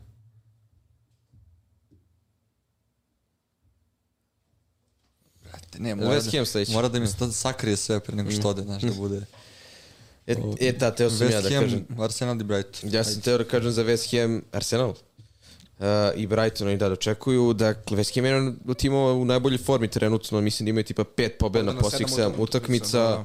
Zaista su pružili neke odlične partije na krilima Kudusa i Bojana, čak su sačuvali dva puta mrežu sada. Uh, jedan je bio Fabijanski na golu, jednom Areola i uglavnom je Areola svima nama bio na klupi koji smo ga imali. Ali to je logično kad pogledaš realno. Pa, mislim- Naš West Ham protiv Manchestera, a s druge strane i tebi meni je bio neto Protiv Nottinghama, da. Logično da ti Da. bude neto, međutim, eto, to je premier liga, nema što Ono, ono, što, logično, da, ono da. što je bitno za fantasy igrače, ako planiraju da dovedu nekog iz West Hema, a ako imaju već Bojana, to može treba i da ostane na Bojanu, jer Kudus ide na kup afričkih nacija za dva kola, pa da se može nepotrebno ne gubi transfer na njega dok se barem ne vrati. Ako nemaju Bojana, Bojan igra ponovo u nekoj svoj formi kao od pre dve sezone, može čak deluje i bolje. Svakako u ovom nedostatku uh, premium veznjaka, pre svega misleći na Salaha, će vrlo lako moći se naći njemu mesto ako ga neko već nema u timu. Da li ima tu prostora za neke diferencijale, jer svi igrači koji donose poene su mahom igrači sredine terena, dakle nemamo napadača kao što je Antonio, Kao što je- da. jer zašto to govorim, ako neko planira može da ima Bojene nekog paketu ili Bojene i da Ward kažem, Prausa, Dvojice iz West Hema su mi već onako mnogo odbrana svakako je uz ova dva clean sheeta do sada je dakle samo tri puta sačuvala mrežu ove sezone i dalje ne mislim da je neki defanzivac Tottenhama tu toliko značajan, osim ako neko baš hoće tako da gleda Coufala koji ima i pet asistencija ove sezone, ali već ako, ljudi, ako dobar da ljudi ima Areolu, ima i Boena, mislim da im ne treba defanzivac, treba im treći ne treba, igrač. ne treba im te, treći Da. defanzivac. Kockanje, da. upravo si, upravo si. Ali kockanje. svakako, ja očekujem da će oni skupo da prodaju kožu uh, protiv Arsenala i da neće to biti laka utakmica i ponovo očekujem neki učinak Bojana ili Kudus jer se obojice ili smenjuju ili postižu golove obojice na utakmici kao sada protiv Uniteda, obojice su bili strelci.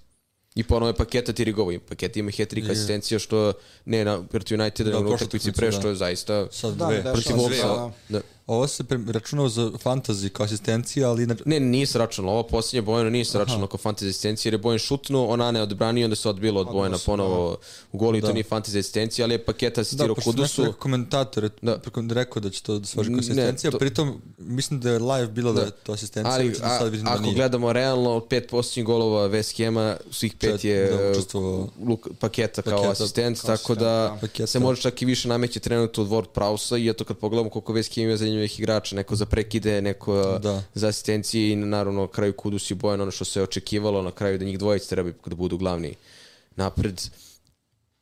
Ne, slažem se apsolutno, ne mislim da je loše, mislim, ja, sam sad kao pričao o Arsenalu kao da je, ne znam, odnosno kada je West Ham loša ekipa, kad sam pričao o Arsenalu, ne mislim to samo uh, West Ham je grupa savršenih igrača, Da. mislim savršenih, odličnih igrača na, svim- na svim pozicijama, uh, previše opcije, svako može da se istredi da go i svako nekad da. zablista, sem Bogna koji stalno blista. Ovaj, tako da, m, s razlogom su to da jesu. Da, Oni su sad jesu. šesti, peti, šesti, šesti verovatno. Sklopile Ovaj, su mi se kockice sve iskreno, mislim Pa, da su mislim- fantastični trenutno što kaže Čuka, pet pobjeda od sedam utakmica, tako da ja bih možda čak i išao sa dva igrača napred, ovaj, što se tiče West Hama, jer Paketu i Kudusa, da Kudus neće biti tu, ali Paketa bi mi bila odlična opcija, iskreno. imamo komentar od uh, Luki Bulatovića. Mislim da znate šta je napisao. To je brat moj. brat tvoj, da, da, brat tvoj. Ovaj, pozdrav za, za Lukicu. Imaš ti nešto da dodaš ili možemo na neku... Pa, što se tiče, što se tiče West Hama, ne, ne, Za njega, nisam za Nikolu da dodaš. Sve, sve, sve što si rekao za Nikolu i svašta ali nije okej za kamere. Ili rastu Ovaj. pregledi, koliko imam pregleda bez Nikole? Bez Nikole milion. Da čak donacije je bilo čet, da... Šalim se. Nemoj da se radiš. Ovaj, ne, ne, za, sla, baš se slažem sve za West Ham. Uh, s, većinu toga isto mislim, samo eto, uh, ta forma dobili su United koji je u katastrofa formi. na. Mislim, ne, ne, ne, uh, ok, Tottenham su uzeli bodove isto. Uh, još uvek mi nisu dali nešto na taj neki moment da sad ja kažem, ok, ovaj West Ham je druga Da. Aston Villa, razumeš? Nekako, n- nije to to. Mm. Prošle godine ste imao Newcastle koji, da kažeš, nije u, ti, u, tih, u tim top, top Da. ekipama. Ovo je prošle godine se pokazao kao Da. jedno od najbolje ekipe. Sad Da, to radi Aston. Villa.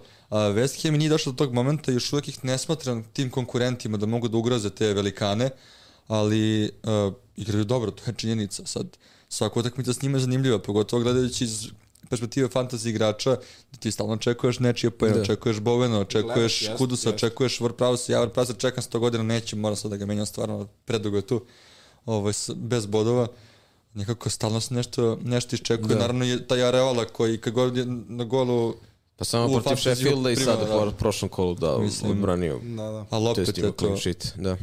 za neku budućnost možda ostane tu. Ne planiram da menjam Areola, na primjer. Tako da eto, ovaj, a šta kažeš za, za Brighton, protiv Brightona?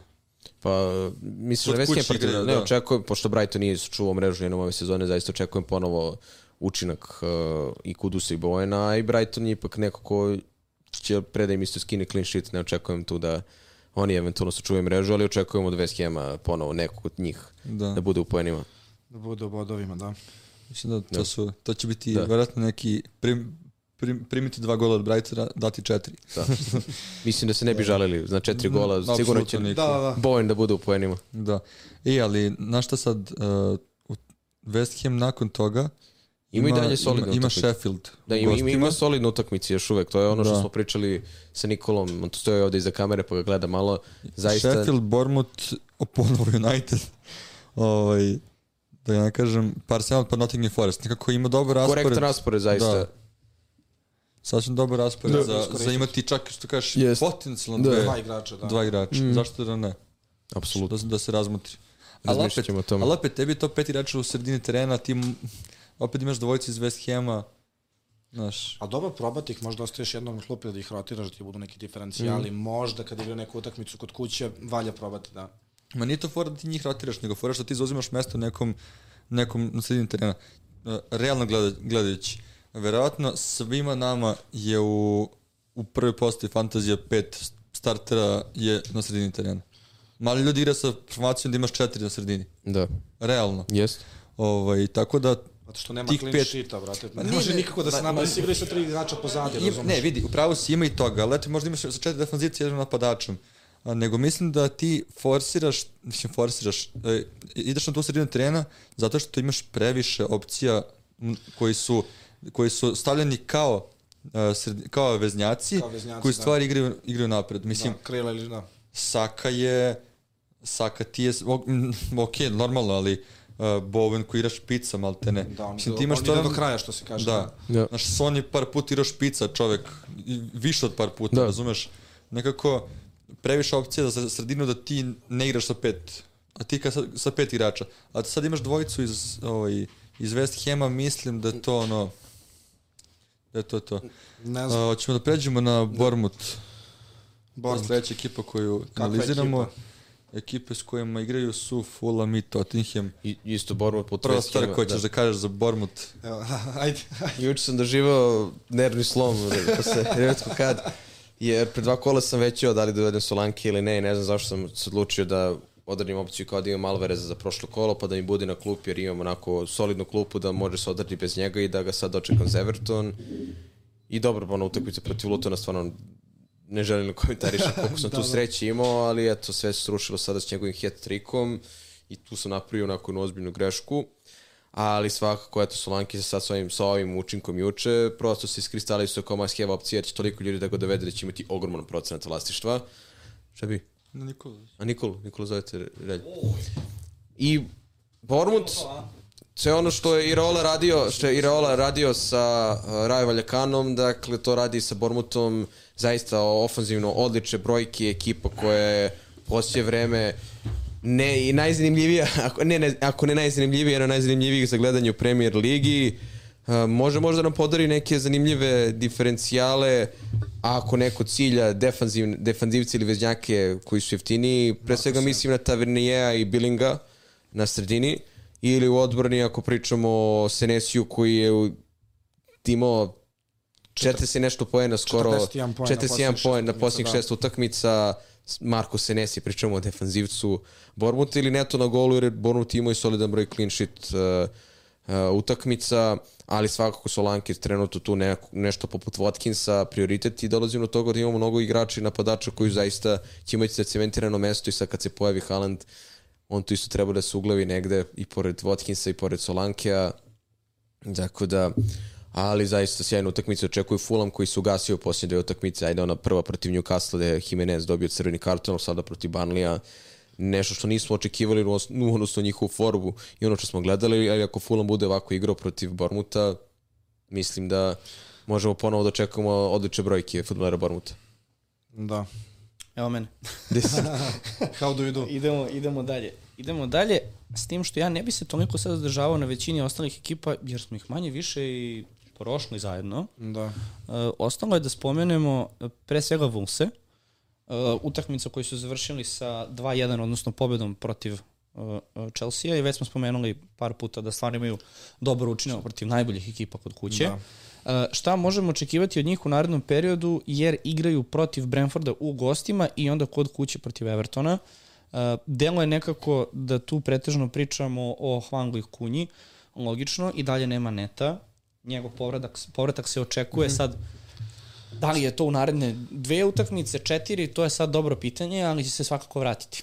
Da li očekujemo Wolverhamptona kao jedne ekipe koje smo prognozirali ispadanje pa, zapravo? Mi, mi, to smo baš sa Hrdomiljom prognozirali u onakvim trenucima gde uprava ne podržava Lopetegije u smislu da nije dobio neka pojačanja, novac da se pojača deo, deo tima, gde on odlazi bukvalno pred početak premier lige, gde se pojavljuje on Nil, već na prvoj utakmici se videlo koliko je on zategao Vulse, on radi sjajan posao, dakle, tim koji na svom terenu može pobedi aktualnog šampiona, da pobedi Tottenham, da pobedi Chelsea, kakav god daje, dakle, ozbiljni klubovi su tu pobeđeni, pružaju nek, imamo neki igrače koji su onako konačno pronašli sebe kao Marija Lemina koji igra možda i najbolju sezonu u karijeri, a uvijek da. je bio ono, Prosek. još je bio u Southamptonu da. i posle u Nici gde smo ga gledali na stadionu Partizana, zaista je ozbiljan šraf u tom timu, da ne pričamo o Hvangu koji igra se, se sezonu života. Ali, Ali, ide na kup, ide na kup.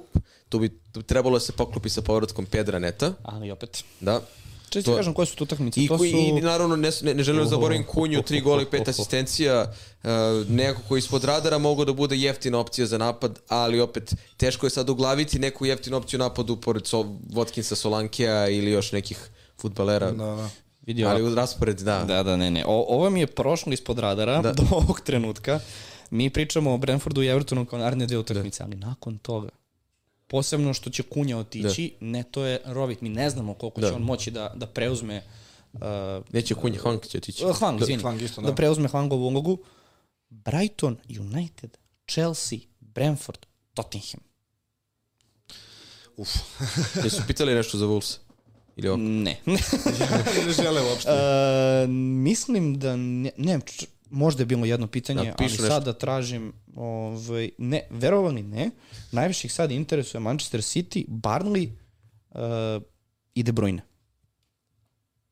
Mogu da vrate, mi su pričali o City na početku. Trop, Da. pa Da, dobro, da, smo mislim, ali da. Da li se zaustavljati ovde kod Wolverhamptona i dati neki sličan savjet kao za Newcastle? Pa mislim, naj, najbitnija stvar tu da je 90% igrača ako su imali nekog iz Wolvesa je bio Hwang. Sad, da li vredi prodati Hwanga u nekog Pavla Sarabiju, koji je opet zabeležio asistenciju, mislim da to i dalje nije toliko uh, realno. Da li treba imati kunju takođe, rekao sam da sad pored ovih napadača tečko da može se uglavi, može doći trenutak da nemamo nikog iz Wolvesa dok makar Hwang na No, azijskoj turneji, a imaju ozbiljan raspored. Dobro, i Hwang je bez pojena par utakmica, tako da... Da, Hwangova treća utakmica nije donao poena. Naravno, pored uh, Wolverhamptona imamo tu i uh, Brighton, koji ima utakmice protiv Tottenham i West Hama. Uh, onda nakon toga Wolverhampton, Luton, Crystal Palace. Nekako deluje da već ne možemo Brightonu da ove sezone pripišemo, pa ne vam kažem uspeh, ali očekivanja koje smo imali od njih na početku sezone. Ne, Dobro, nekako nije Brighton to nas, to. Brighton nas je navikao neko da igra dobro i samo su dobili neki pad forme nagli i onda smo kao od, od nisko, mogu da kažem smo ih otpisali, ali realno Ja. jesmo ih Pa mislim, otpisali. još jedna od ekipa koja je prožeta povredama. To je, Da, to jeste, to je najbitnija stvar. njihov. Dakle, na svim pozicijama su trpeli i dalje trpe i malo, malo pa se neko povredi, ostali su i bez Veltmana. Ali drugi problem Brightona, ako gledamo fantasy i taj neki ugao, je njima da je njima najkonstantniji igrač Pascal Gross, kojeg smo možda i najmanje spominjali Tako je. pored toliko futbolera, malo Mitoma, Stupinjan, Joao Pedro, Ferguson, ko će da počne, Soli March. senci tu Znači, onda da. ostaje u senci, onda ti ima tri gole, šest asistencije i neko ko je do- donosio poene najviše u poslije vreme. Ferguson nije postigao, to je nije donao poene na posljednje četiri utakmice, to je pet. Pedro nije po, doneo poene na posljednje četiri utakmice. Dingre je da, doneo, doneo jednom poenu u posljednjih par utakmica. Mitome je doneo jednom poenu u posljednjih sedam utakmica. Dakle, niko od tih futbalera, naročito Mitome koji ima ozbiljan procenat vlasništva, trenutno nije dovoljno konstantan. Drugo, malo, malo po nekog muče povrede. Znaš, ako treba preporučujem nekog iz Brightona, stvarno mora kažemo ljudi Bas- Pascal Gross. Zašto? Zato što je najkonstantniji, zato što je na prekidima i zato što je može najzdraviji u timu. Ali opet, kako sad uglaviti nekog Pascala Grossa u trenutku kada ćeš ti imati novca od Salaha i Sona da imaš i sve, da kažemo, relativno skupe veznjake, 7-8 miliona, za šta će ti jedan Pascal Gross u Brightonu ili bilo koji iz Brightona kada ne mogu ti uhvatiti konstantu. Mislim, odbranu neću spominjem, kako da, Da, da preporučujem ništa, da. nekoga iz odbrane koji nije sačuvala nijednu mrežu. Hajde, molim da. da su ozbiljni. Jasno. Ostala nam još jedna ekipa, ako se ne varam, to je Nottingham Forest.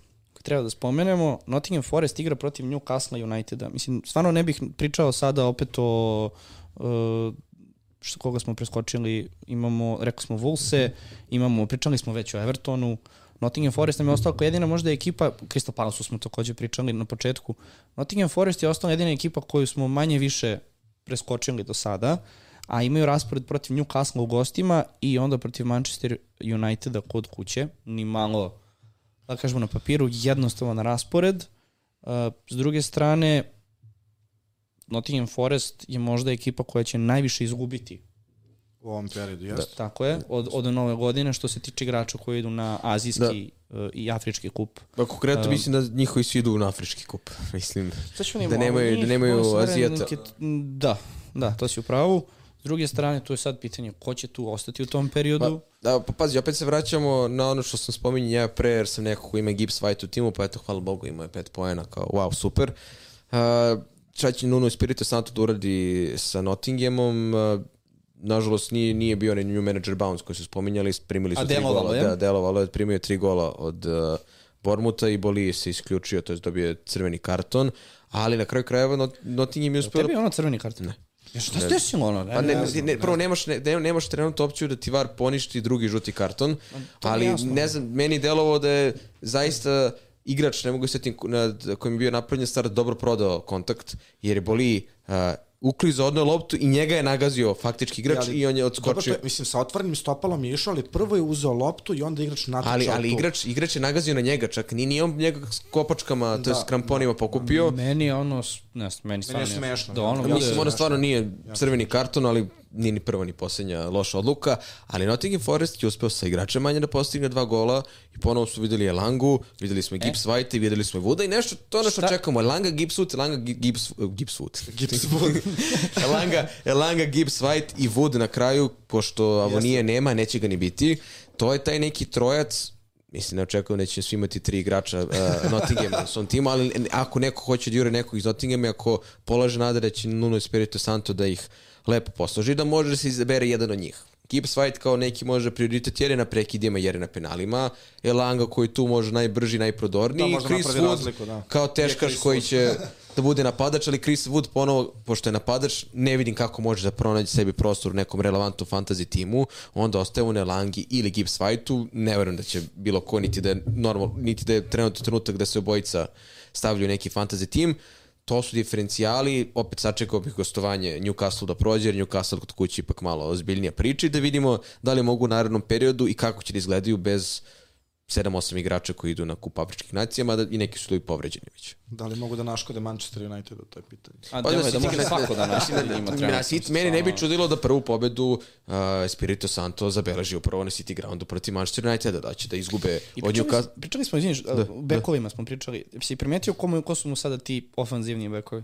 Ko? Znači, bili su Williams Williams, to je kao što smo rekli. i uh, Toffol. Toffol, to je ono što si rekao. To je potencijalno dosta imamo negde ono u Pa to, to, je, to, to je ona kao- fusnota kao četvrta peta opcija, hoćeš da prodaš keša ili da imaš nekog petog defanzivca, četvrtog petog defanzivca koji ti je na klupi uglavnom, da ti bude Toffol ili neko Williams i da se lovi neka utakmica protiv Manchester Uniteda kod kuće koji nije dao gol na Evo, četiri. zapamtite pa ovo, ne, namazak evo, je sad, mislim, ovo, samo da zvuči, ko- ovo zvuči ludo što ja govorim, ali ako United nije postigao četiri gola, ako, ako su toliko problemu i ako se nastavi taj trend, ko tebi garantuje da neće Nottingham nek zatvori na City groundu Meni, Postoji meni, šansa, naravno. meni i dalje nije jasno. Jel ti imaš objašnjenje zašto je tebi to Manchester United i Manchester City?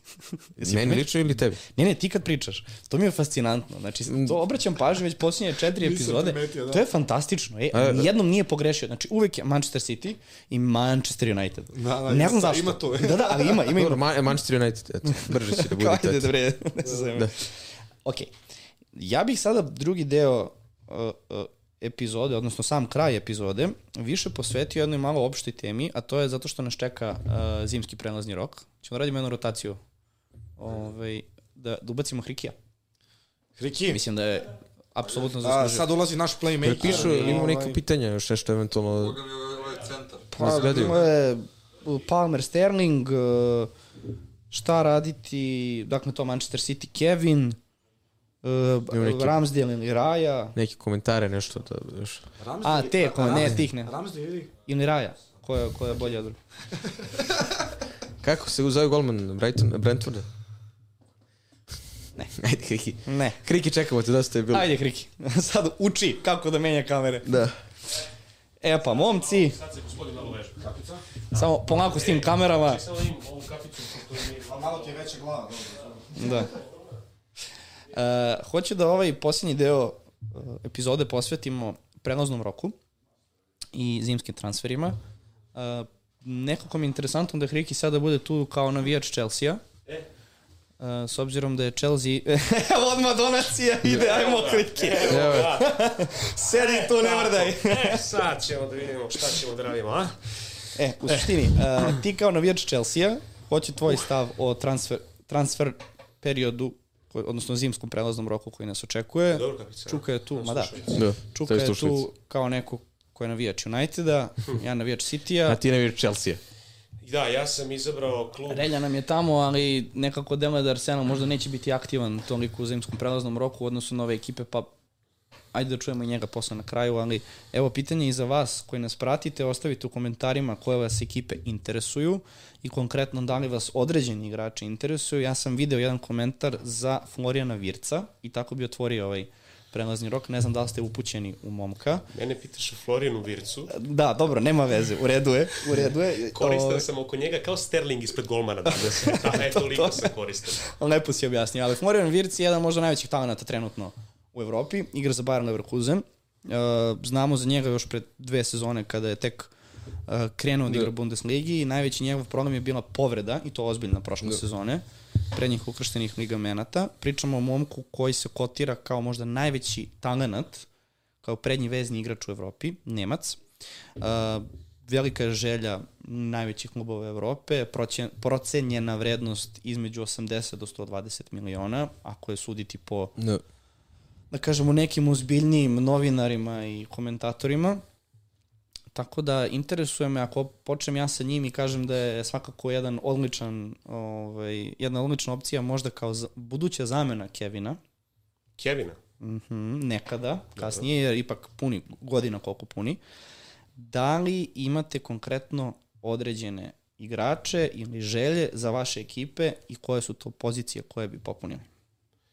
Pa ja mislim da je Čuka relevantniji da krene on. Pa, mislim, mi smo pričali o tome Manchester Unitedu, da da li ponovo mora da se juri napadač, da se traži popunjavanje te pozicije, pa i desni bek je nešto što škripi. Mislim, nešto što škripi ovako kada gledaš ceo tim, na kraju ceo tim zreo za remont.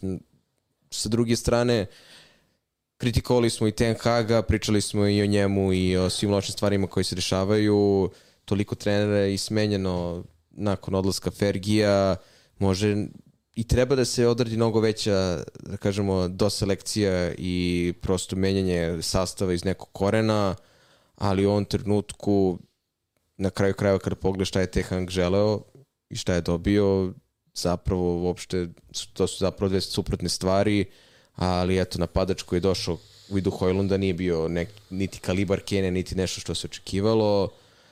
Sad šta će ostati od uh, pre svega Varana i Kazemira, jer dobru, i ili dobru defanzivnu partiju Manchester United pružio sa Varanom u startnoj postavi, on je sad bio bolestan, vidjet ćemo da li će ostati, čak se pojavila informacija da će da se vrati u Real. To, to pitanje je tak, takođe desnog beka, dakle neki desni bek eh, napadač, ja bih takođe jurio i mislim krilo i zadnjeg veznog, ali sve to ono, to su ti na kraju četiri pozicije jer ne smatram da je Antoni dovoljno kvalitetan da bude u Manchester Unitedu, a istina. A, drugu emisiju za redom i telefon ispada, ali kao da imam ciglu u džepu, a ne telefon, dobro?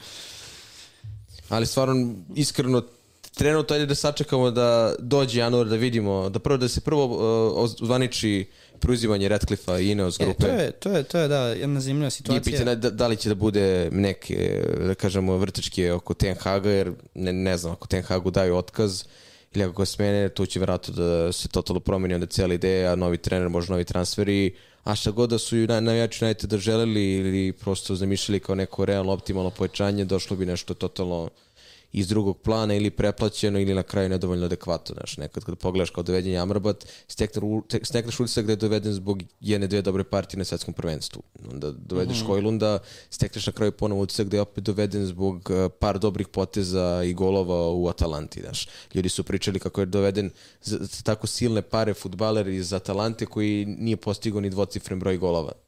I onda tako može idemo u krug ili se do, plaća Antoni iz Ajaxa jer je jer ga Ten Hag dovoljno dobro poznaje. Uh, izvinja, odreagovao sam ovako jer imali smo već par pitanja dok si ti da. pričao. Jedno od pitanja je Gallagher u Arsenalu za 50 miliona, Ivan Toni u Liverpoolu, interesantno. Uh, komentar, pa šta Chelsea ima više da dovodi, oni bi trebali da Pa idu... treba da se prodaje. Pa, ali nekako me ne, ne bi čudilo da dovedu još tri igrača i prodaju još dva i da to... Dobro, do- Ima previše igrača koji imaju 20 slova u prezimenu, ja da. I koji imaju K i duplo V vezano jedno za drugo. Ovaj, ali na, na šta bi se evo sad nadvezano posljednji komentar i evo da pozdravim Mirčea uh, kaže Zubimendi mišljenje o igraču Zubim- dolasku u e, Arsenal na leto. ovo je njegov Na, ne, na zašto? Na zašto? To je igrač iz Real Sociedada i Real Sociedad je ekipa koja je prošla stvarno ispod radara ove trenutne uh, grupnu fazu Ligi šampiona. Uh, možda su najveće iznenađenje trenutno o, o, ove jeseni i zime pored Bayern Leverkusena i Zubimendi je jedan vrlo, vrlo, vrlo interesantan igrač koji može da igra i zadnjeg veznog i može da igra štopera. Uh, dolazak u Arsenal na leto, mislim, vidi, zašto da ne?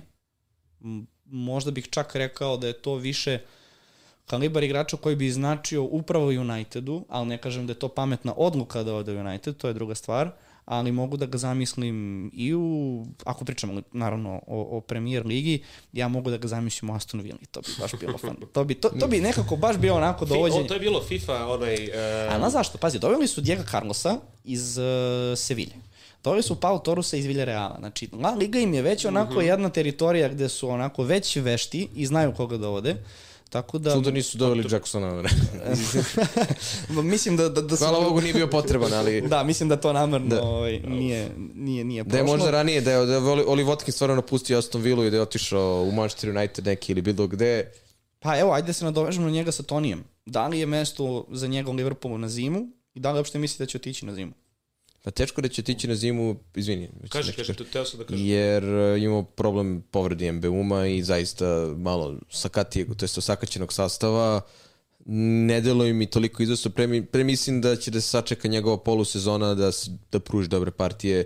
Ja ne verujem da je u lošem stanju, on je sigurno trenirao i radio na formi, ali ne mogu da ubedim sebe da će i jedan toliko ozbiljan veliki tim da dovede igrača koji nije igrao 8 meseci profesionalni futbol, da im gasi neki požar ili da im bude primarna opcija od starta uh, u njihovom timu. Fali Toni Brentfordu da ne izgubi 1-0 od Sheffielda. Čekao Dobro, sam taj ali- prelaz. Če, čekao sam. Ali da dobro, na primjer, da li, da li onda možemo, evo, ajde spomenuti Gallagher u Arsenalu. Da li misliš da je Gallagher neko ko ima budućnost u Chelsea? Ja ne znam ko treba da ima u budućnost u Chelsea-u, s obzirom da mi nije jasna ideja igre generalno, zbog količine igrača koja se nalazi u, u Chelsea-u. Uh, ne mogu da kažem da pratim sad svaku utakmicu, mislim, znaš i sam da nisam baš, ja sam više... Zaklju, zaključanje ovde u da, studiju. Da, da, ovde sam, ovaj, da, ovde sam silom. Dva put. Ovaj, dva put sam trepnuo. Ovaj, uh, ne znam, mislim da treba da se radi potpuni remont ekipe i da se zadrži trener, iako sam mišljenja da je to trebao da ostane Tuchel. Nepravedno A, o, mislim ne, da je mislim da otišao. to je svima, da. Ja ne mogu da oprostim to, ovaj, kome god da treba da nisu, oprostim. neki nisu oprostili ni, odl, ni odlazak Mounta, ali ajde, to je neka druga priča. Da, to je, da, da, neki, ni Mašemo, ni, mašemo. pozdravljamo ovaj, gospođicu koja je, nije. ovo je posvećeno. Da, ovo je baš posvećeno. da imamo poslednja epizoda I dalje ga ovde. drži na pozadini telefona. Inače, te gospođe su hteli da poklonimo njegu, njegovu canvas fotografiju dok Da. je nastup u Chelsea i Da, da, da. da. I završila je, u završila je u kanti. Da, da, da. Ove, ne, ne znam šta, iskreno ne znam šta treba Chelsea da se gledao na podcaste? Jel gledao na podcaste? Gospođe. Pa gleda upravo. A gleda upravo. Dobro, po, pozdravi su bili dobro upućeni. Mm, mislim da Chelsea treba da napravi mm, onakav remont kakav odgovara Poketinu. Ne treba, mislim, da se dovodi novi trener. Mislim da je Poketino kalibar da od Chelsea napravi ekipu koja će da igra Evropu, da se vrati u Evropu. Ovaj, ali ne bih znao šta da, šta, da, šta, šta uraditi. Mislim da treba da se prodaju igrači prvo, pa onda da se dovodi dalje. Ja sam tog mišljenja. Redom. Redom, znači da se krene, e, investicija ovako otišla nizbrdo, ove, ali nema veze, treba se nešto iz toga izvući. Šta vi mislite, ko treba da ide iz Chelsea? Uh, pa vidi ovako. Što pre? Uh, hoćemo redom. Redom, da, kreni. Šta, šta vas dvojica mislite, ko treba da leti? Uh, generalno, ajde, na golu ostavio bi trenutnu situaciju. Mislim da dobar deo igrača, što se kaže, underperform performuje zbog same slike Chelsea i cijene situacije u kojoj se nalaze. Mislim da budućnost imaju Palmer, Kunku, uh, Medueke, ali kao Madueke, neko ko će, ko će ulaziti s vremena na vreme. Mislim da Fernandez i, uh, bože, uh, Caicedo mogu da budu ozbiljni, ozbiljni igrači, ali kada se sklope kockice, posebno što sigurno neće odlaziti nakon tako skupe ovaj, akvizicije.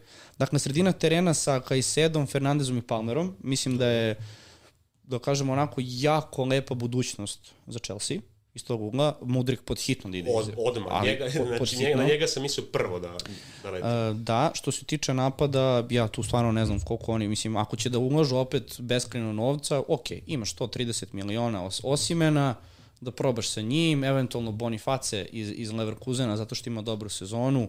Koga ti tu sad imaš da dovodiš koje, kažemo, bolje ime u odnosu na Jacksona, ako ne poredimo igrače ostale iz Premier Lige. Dakle, imaju Jacksona trenutno sa ogromnom, ovaj, pa dobro, i to je bila svakako ogromna cena. Eventualno, kažem, Osimena, ali to znači 130 novih miliona uložiti u napadača. To je, I onda samim tim Martinez ide na klupu. Uh, Sterling nije dugoročno rešenje, može biti interesantan da odigra ovu sezonu, eventualno još nešto sledeće, ali znači krilo je obavezno, Medujaki koji mora da bude na klupi. Što se tiče bekova, imaš nemaš Jamesa, nemaš Jamesa. Ja otišao na, otišao na operaciju, to sam teo da te vidi, pitam. on može da ide ne znam koliko puta, očigledno čovjek nije To je za prvi put ide na operaciju, to je jako bitno. Nije on išao na izgleda operaciju. da je to... za njega više jedna serija A, jedna španska liga. Znači, ne toliko fizički Da, ja se plašim da zahtevna- on fizički je- više ne to može pro- da posle toliko broja povreda da podnese taj tempo i intenzitet igre. Da, inače, obojica su stručnjaci u medicini, tako on je da... stručnjak, ja sam još doučenjak. Do, dobro, ajde. Uh, u suštini, uh, pitanje bunis ljudi, Enzo Fernandez, vjerojatno će da me udare po glavi. Uh, što se tiče, ko, ko je ostao tu, Kukurelja, nije se pokazao, očigledno da mu odgovara sistem Brightona. ne ti, ne ti. uh, pazi, sve ti je jasno kada je tebi i dalje stub odbrane čovjek od 40 skoro godina. da, da, Znaš, da, da. znači, Badjašil koji je došao iz Monaka, ako se ne varam, ok, može da se tu nešto radi, ali opet nije pokazao što treba. Colville, opet nedefinisan, on je imao, ko je bio u, u ovom, bože, Bright, Brightonu, je li tako? Gde bio levi, Colville? da. Da, bio u Brightonu, dakle, imao si, imao si Vajta koji je bio u Brightonu, koji je zapravo bio škola Chelsea, li tako? Znači, I otišao je kompletan od- remont odbrane i napada. Znači, a, dobro, Ali pre, pre mislim svega da- odbrana. ne, ne, da tu... to se već uradilo, ti si imao, i, dakle, prošle zime masovna mora- dovođenja, ovog leta si imao masovnu prodaju futbalera, znaš, nije ni poenta da ti se smenjuju igrači kao na traci, da praviš samo rotacije, da na kraju ni trener ne zna sa kim raspolaže, samo prosto tako, tako su sad odradili celu koncepciju da mora da se krene iz ne, od nekog početka i sa nekih nižih, kažemo, očekivanja, jer može ovo jeste realnost trenutno Chelsea. A šta misliš, koja je koncepcija igre sredina. Chelsea? Koja je koncepcija? Koja je koncepcija igre Pazi, Chelsea statistički je ekipa koja je tipa druga u ligi posle Newcastle koja je stvorila najviše šanci. Dakle, ali glavni problem je što je Chelsea 35 šansi koje je stvorio nije iskoristio. Dakle, Chelsea fali ta neka završnica, to je ono što smo ispomenuli na početku podcasta, dakle, ni Sterling, pa ni Jackson, ni ostatak ekipe nije bio dovoljno ne znam, skoncentrisan ili možda ne postoji dovoljno dobre te kvalitete da mogu da u završnici odreaguju onako kako treba svaki napadač. E sad, e, evo sad se Nenkuku e, vratio, postigao gol, može upravo Nenkuku bio taj, Koji kažem, ta stavagi koji je falio, koji je poremetio celu koncepciju, ali ne može opet, nije neki ekipa da se, da se smatra toliko ozbiljnom, niti nekim kandidatom za titula ako bez jednog igrača ostane i pane ceo sistem. Mislim, evo, Manchester City već celu sezonu do sada već bez De Bruyne. Videli smo da kad nema i De Bruyne, nema ni Rodrija, da je očigledno to 30-40% slabiji tim. Mm -hmm. Sada ćemo da vidimo na, na bukvalnom licu mesta, to jest na terenu kako će da izgleda Liverpool bez Salaha. Arsenal je ove sezone ok, da kažemo, bio što se tiče povreda glavnih igrača, bez obzira što je Saka malo, malo u trenucima padao, završavao ranije mečeve, sada su oni gotovo kompletni, tako da šta je cijela ideja Chelsea prosto od kako je otišao Todd Bowley, od kako je otišao Roman Abramović, sve je promenjeno, ti pogledaj da su oni sastav, ko- sastav koji su Ligu šampiona pre dve godine, ne mislim To- da je ostao samo Thiago Silva. uz zvezdicu samo zbog Tuhela, Da. apsolutno, ne verujem da je, Da, da. da je toliko sada, kažemo, bila superiorna njihova postava Naravno. da bi osvojila ligu šampiona, da Ne, nije Tuhel bilo. je tu, Tuhel je tu. A, apsolutno. Ja bi se samo nadovezao, s obzirom da smo već spomenuli United i Chelsea, imamo Arsenal koji trenutno deluje da nije toliko aktivan, odnosno ne traži igrače za ovaj zimski period. gledam nas live, da znaš, pozdravljen nas Miloš Petrović iz Tenisije, njemu jutro. Pozdrav za Miloša. Da, da. Dobro jutro! Nešil, ne, Da, tenis, sad, pozdrav, pozdrav za Nashville. Pa evo ga dakle, Nešvili za tebe. Da, evo ga Nashville iza nas. Znam da sad on upravo gleda uživo. Evo, javio mi se na Whatsappu, poslao fotografiju. Veliki pozdrav, za, veliki pozdrav za njega. Dakle, šta sam rekao, da, e, United, Chelsea, Arsenal, tu s druge strane imamo Tottenham koji deluje za sad opet da ne znamo koga bi dovodili, njima svakako fali dubina na sredini terena, nekako deluje da odbrambeno su doveli igrače koji im trebaju, Romero koji je možda najproljaviji u posljednjih ne znam koliko godina nešto dana igrač, ali radi posao Da, kada da, igra. radilica. Uh, bekovi, pričali smo o njima, golman, pun pogodak, pun pogodak. Mm. -hmm. Tako da deluje da Tottenhamu tu fali nekako dubina od sledeće sezone, ne znam koliko će se aktivirati u zimskom prelaznom roku. Um, Sad je pitanje da li će ne dovojiti napadača, jer je, Sad sam teo da pitam za napadača da... pa znaš kako, de, mo, mo, treba, mislim da ako pričamo o dubini, moraš da imaš još jednog Pa vidi, eh, deklarisanog znači imaš, napadača. imaš Kuluševskog i Kuluševskog. Kuluševski. Kuluševskog, ali on Da, nije napadač. mislim na Kuluševski, Kuluševskija. jes, ne, Ne, Kuluševski. ne, ne možeš. Uh, imaš Kao Kuluševskog. veseli i veselo. Dakle, Kako? Ha, sino? Moniki. Monik. Da. Uh, Kuluševski i, i Brennan su ti tu. Imaš Sona, imaš Richarlisona, imaš... Ko je tu još ostao da sam zaboravio? Uh, ko je još ostao? Johnson, Kuluševski, sam- Richarlison, uh, Lo Celso, Da, otrani, da, ne možeš baš da ideš na krilo i špicu. Pa ne, ali ne ti kažem, oni sem Richarlison imaju Muniza, nemaju napadača, čak i na fantaziju kad pogledaš, nijedan napadač im ne startuje gotovo utakmice. Dobro, Dobro, da, Richarlison Son- vodi Son- kao vezni igrač, Son se vodi kao vezni igrač, oni Dobro, ali i Sonny Richarlison će pre svega igrati kao, kao napadači. ili krila, Son i posljednje dve utakmice, tri igrao kao Tako. krilo, odlično se pokazalo protiv Newcastle. Tako Jeste, da, ali nekako mi deluje da je sve to nadogradnja za sledeću sezonu. Imaju mi, trenutno mi, mi, mi, igrače moramo koji- sačekamo kad i Son bude ponovo tu i kada Madison bude zdrav da vidimo kako će izgledati cela koncepcija jer će imati i Johnsona zdravog i Kuluševskog i Richarlisona imaće sad 5-6 igrača da ne pričamo posle ovim drugima neće biti ni Bisume i Bisume ide, ima obaveze to je isto ozbiljan uh, da Jeste, kažemo jeste. nedostatak na sve te povrede Slažem se s tobom. Ostalo je, uh, ostalo je City, jel tako? sve su prošli to City prvi na City, prvi, drugi- drugi je City je prvi drugi je bio, Chelsea pa. City. da. Ne, mislio sam za transfere.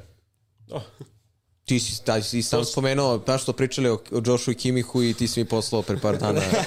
ono je bilo. Jeste, da, da. da. Insider Nikola Boročanin. E, dobro, je Newcastle, možda samo da spomenemo nekako da... Newcastle golman, ne znam da li će golmana da traže. Da li je...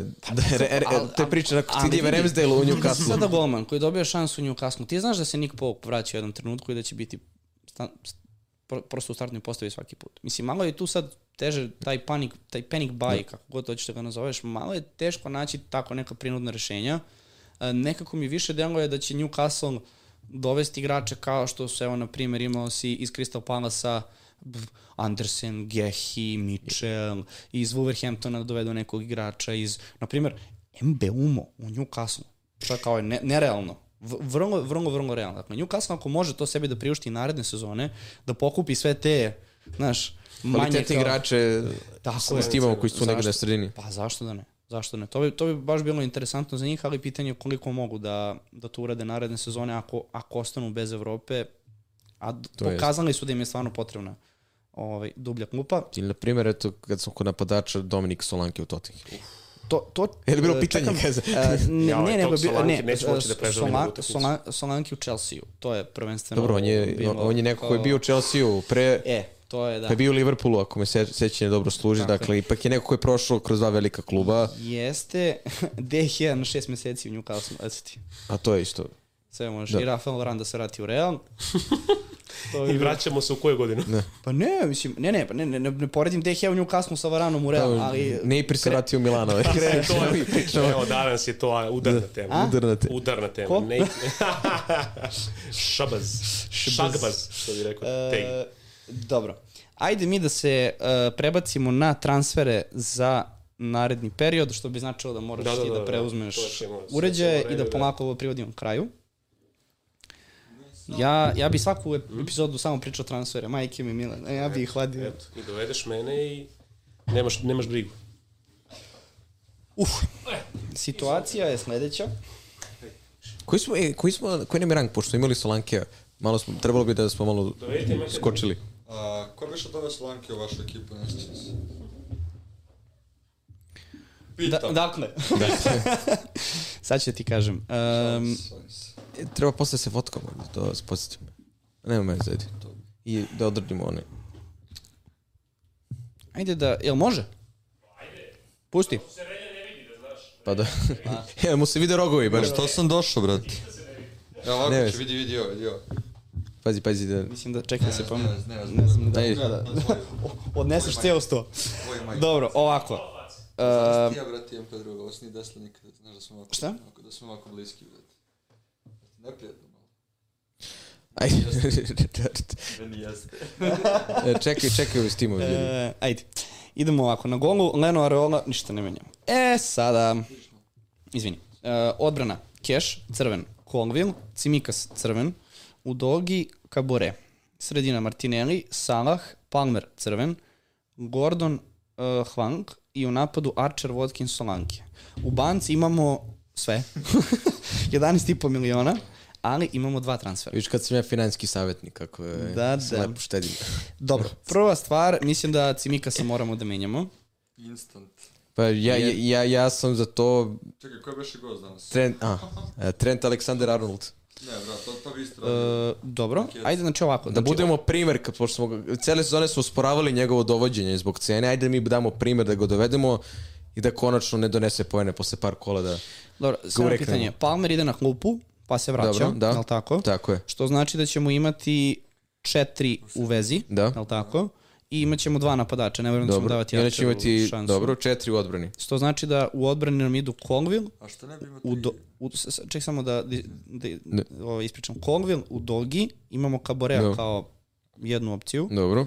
Um, e sad, dovodimo jednog igrača umesto Cimikasa, ali Dobro. mi imamo još jedan transfer. Imamo Keša koji je crven isto. Ko su nam napadači? Watkins Solanke, Treći, Archer. Archer počinje. Igra kod kuće, Kažem, ja, igraš 3-4-3. Ja bi stavio Archera. Mora Archer igra. Prvo daje gol Aston Villa, drugo dočekuju kod kuće sad... Ali ti imaš potrebu da koristiš oba transfera, tebi je to da Ne, ne, ne moramo. Ne, ne, ne mora, ne mora. Imaš da- Archera, ne, ne treba da trošimo, nekli, nekli Solanke, Watkins, Archer, pozadi Trent, Colville i Udogi i ovo što je na sredini preostalo. Tako je. Dobro, ako ste za... E, da, pričaju. Pa dobro, da, možemo njih da čujemo. Inače, dolazi De Gea, ste vi čuli tipa, ono, da potencijalna želja Beckhama Čega? za Inter Miami? Za Inter, pa dobro, nije nemoguće. Dobro, otišao je Suarez, Suarez, sad. da. Samo im fali Neymar. Potencijalne želje, čini mi se De Gea, Kaže Kristijan. Tarkovski za Cimikas. Tarkovski protiv Citije. Kaže, morate Trenta da kupite sad. ne, Trenta stvarno uzeo. Ne, Trent uzima, mislim, daš Tarkovskog protiv Citija nekako... Ne delo mi Pa ovako, inspirativno. ako dovedemo Trenta, nama je ostalo još 7,9 miliona i ako ćemo da radimo transfer, logično je da menjamo cash. A Što bi radili? Što bi, što bi tražili? To A što, iz- izmeniš Cimika su Trent... Samo kažem da imamo opciju za još jedan transfer. Ne, i, ja bih sačuvao ponovo transfer, znaš zašto? Zato što imamo dva kola koji idu jedne za drugim, možda neka povreda, možda nešto i da... Ok, to je skroz legit, samo da znate, znači nepunih 8 i jedan, jedan transfer imamo. Dobro, po ovome idemo... Ok, hoćemo da završimo ovde onda. Da. A ko je kapitan? A? Koga ćemo za kapitena? Evo sad ćemo da sad napre- uradimo Pa transfer. Salah protiv Burnley u gostima. Salah. Samo da se ne zezne moj put ko prošli.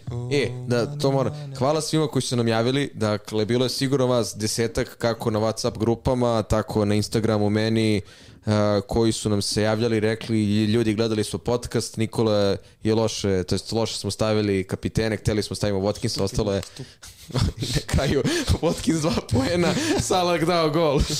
Pa da, to je Da. obično ta... Da, Da, Znači kad sam ja prošle godine napravio kiks tako u svojoj ekipi i razmišljao sam se da li je to neki znak, da li je znak i promenim pred sam Ne početak veze, sva- i- bez obzira, bez da bi- obzira, da što, bio znak. bez obzira što Motik i jedino poene, zaista hvala svima na pre svega lepom gestu što su nas podsjetili i cenimo to što nas stvarno aktivno prate, da neko zagleda onako vidi, nije mu kapiten Watkins nego Salah. Kaže komentar, nastavite na Solanke, a nastavlja da rešeta. Pa možda E, i Solanke Forti pazi. Možemo da odredimo hrabrije. Vidi, trenutno jeste opcija to, apsolutno. Fulham ne igra dobro, Evo, možemo, Slanki u, u ozbiljnoj formi. hoćete da glasamo na što, pošto ne param broj. imamo Salaha protiv, imamo Salaha protiv Barnlija. To morate da... Pa Salah protiv Barneda, Solanke protiv Fulama kod kuće. Aj, glasamo, ajde. Ćemo da glasamo, petorica smo. Ha? A koliko će traje pool? Pa stavit ćemo tri minuta, šta da... Ajde, stavi pool brzo za publiku. Uh, Solanke Salah. A drugi ide na, na, na zamenika kapitena. Zamenika kapitena. Šta? Tako da. je. A realno je Salah.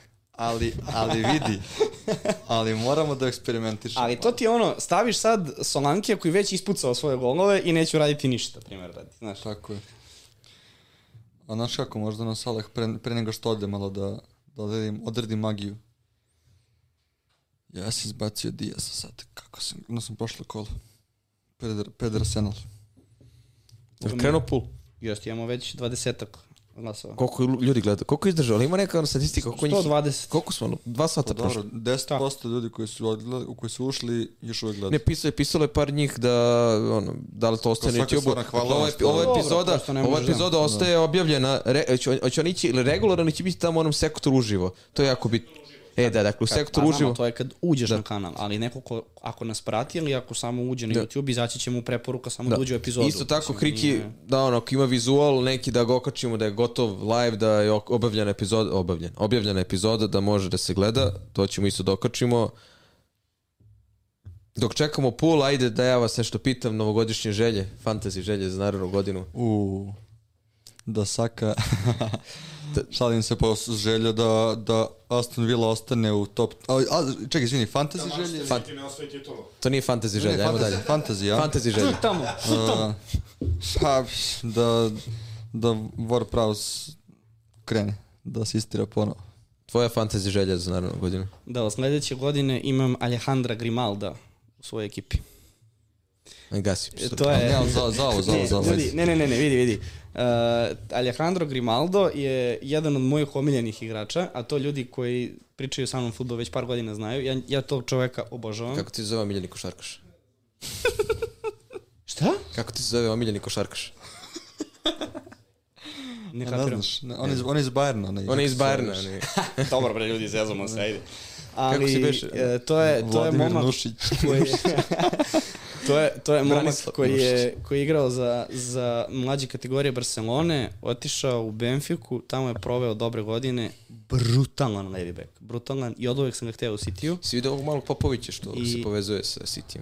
Ali će vratiti ići na one pozemice, Pa da, ono, klasično. Heremen. i- Klasično, da. Tako da, eto, to mi je neka želja, ja ne mnogo A gotivno. tvoja želja? Moje fantasy želje za narednu godinu je da nam naša aplikacija dozvoli ubaci, to jest ubaci ili neke nove čipove ili da malo dodatno poboljša i učini ovom aplikaciju zanimljivijom. Konkretno meni su pale na pamet neke opcije koje su po uzoru na Euroleague, to jest na Fantasy Eurolige, da se dozvoli jedna izmena u toku kola, da jedan igrač sa klupe može da se zameni sa starterom, što bi mnogo olakšalo igračima. to- to dobro- to, je, dobra to može bude jedan čip jednom u polusezoni ili jednom u sezoni, to je dva puta u sezoni, da možeš da aktiviraš nekog sa klupe da ti se zarotira. Mi imamo već bench boost, ali ovo je bukvalno samo jedan igrač da, Da, da, da, ga zameniš. rotacija. To bi, na primjer, u ovom loše. kolu mnogima spasilo. A za, pazi, isto, isto priča kao za Euroligu. Da zameniš kapitena u to kol- kola. Menjanje kapitena isto može... Sa, mislim, imamo već tu tri čipa. Po mom mišljenju, najbesmisleniji čip je triple captain.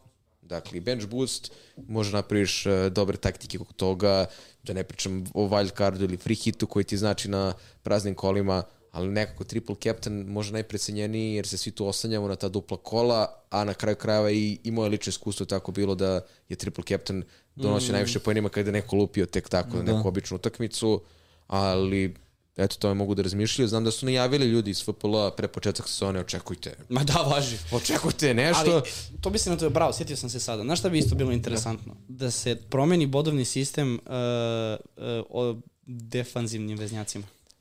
Da ti imaš pointu da imaš jednog Pazi, Rodrija. to je, to je, to je jak, da znaš ima kako, pointu da imaš to- jednog Declana Rice. Znaš što je na primjer point? To bi ti onda bilo isto gledanje uh, učinka i neke Salaha i ocene. Sona, ne, mislim, ne, ne, neki, ne možeš neke, vrednije. ocene futbalera kao što u košarkaškom fantaziju imaš njihov indeks. To za futbal nije baš toliko, da kažemo tako, izraženo, niti može se meriti da ne kažemo neki futbaler ima indeks 36 i onda to na fantaziju donosi 36 po, poena. To je malo kompleksnije napraviti, ali problem, na primjer, ovog fantazije je što ti defanzivni vezni de facto nisu interesantne opcije jer ne utiču direktno na rezultat, niti su možda bonus poenu toliko blizu a, uzimanja nekih poena jer ne uzimaju ni clean sheet, uzimaju jedan poen jer se vode kao vezni igrači, a defanzivci već tu uzimaju Ali to je nemoguće. Iz razloga što zamisli, evo, zamisli Pepa Guardiola koji ti imaš Rodrija koji je na toj poziciji, Pep odluči na tekmu da ga stavi na špica.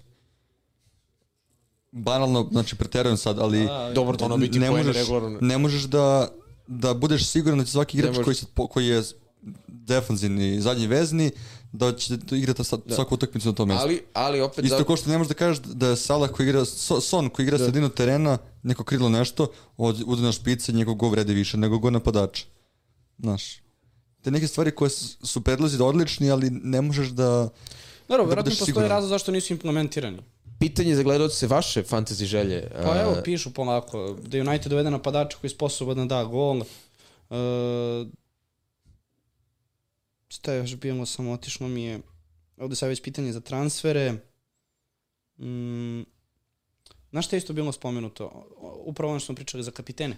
Da ne možeš dva kola za redom isto kapitena. To, to, to, to i Neša stvarno- Grujić isto, pozdrav za engleskog dopisnika, isto predlagao da Fantasy nešto mora da menja, ali od onog momenta kad smo ispratili taj klip, dešava se Haaland ili povređen, ili ulazi neki teži raspored, gde, eto, posljednjih deseta kola, nemamo onu priču perma captain Haalanda, već si imao dosta situacija kad je Haaland bio zdrav da su se oni sa Alex smenjivali ili sada kad nemaš Haalanda da ti je šaroliko. Znam, ali Pazite, sad nemaš, uh, sad nemaš opciju da ti imaš ne, ne, neki problem ako nemaš Haalanda jer znaš da za dva kola ćeš moći da ga vratiš ovako. A Ali zamisli, zamisli to- da pričamo to o ovome čar, to, to, u septembru. to mi su ljudi pričali da ono imaš Haalanda, kapiten ti je da dva gola, ništa, nije, nije ti donio ništa jer ga svi imaju jer je svima kapiten. Sada, sad na primer, Haaland, ako se ne pojavi protiv Evertona, i pojavi se magično protiv Sheffielda, on neće imati ogroman procenat vlasništva. Ma dobro, slažem se. Taj Haaland, e, ta, tada će ti neki Haaland, neko kome je ostao Haaland na klupi, što je meni jako nerealno sa tolikom cenom, ili ako nekako baš računa da će se vratiti protiv Sheffielda, da mu da kapitensku traku na nekom effective ownershipu 50-60%, to ti Haaland donosi mnogo, pod uslovom da da golove. Fair. I tu pričamo o dva kola od ukupno 38 u sezoni. Koliki će procenat vlasništva biti Haalanda nakon ove godine?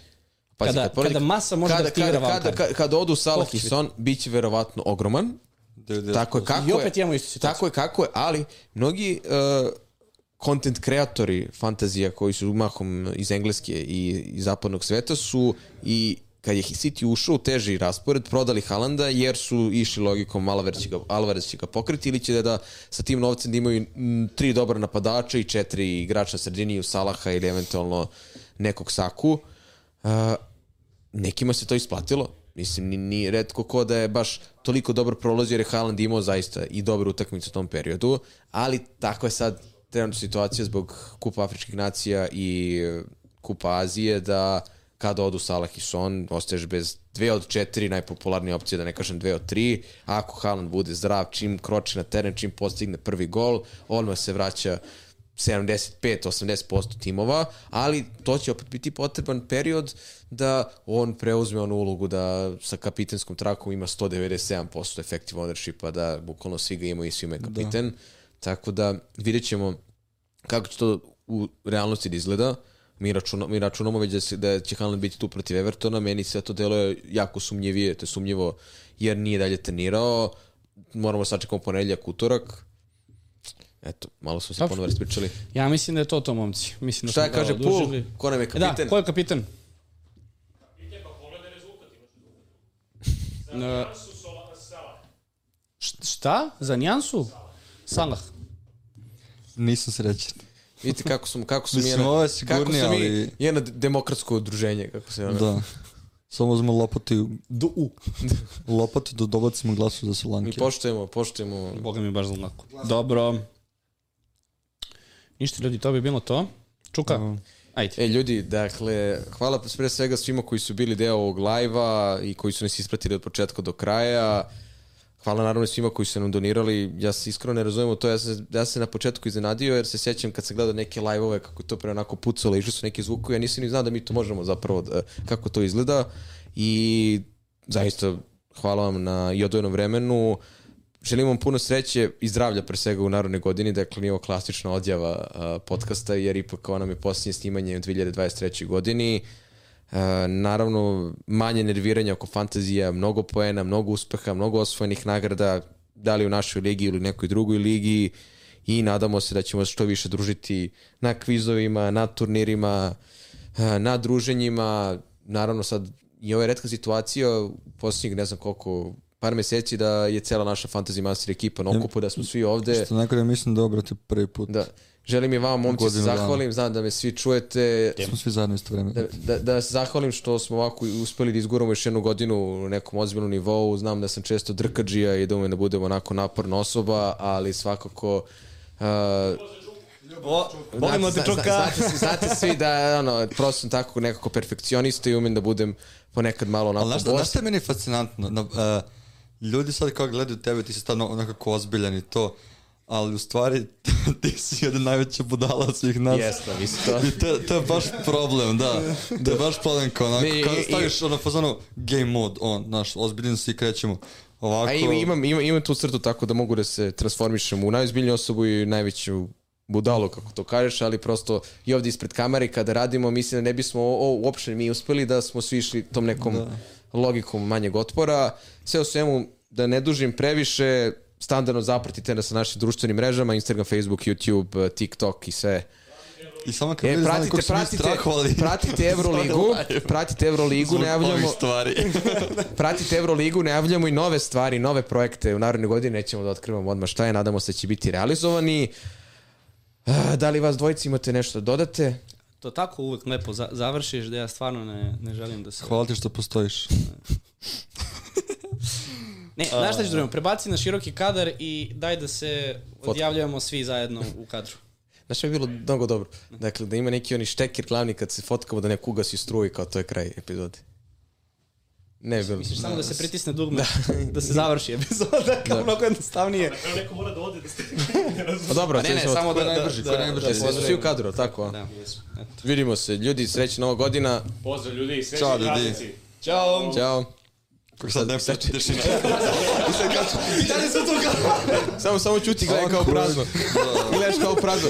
Kad, dok, dok ne ugasi. Ne, ne, kao, Ne, sad, sad na kuckamo, znaš. Ne, ne. Da znam da- da ne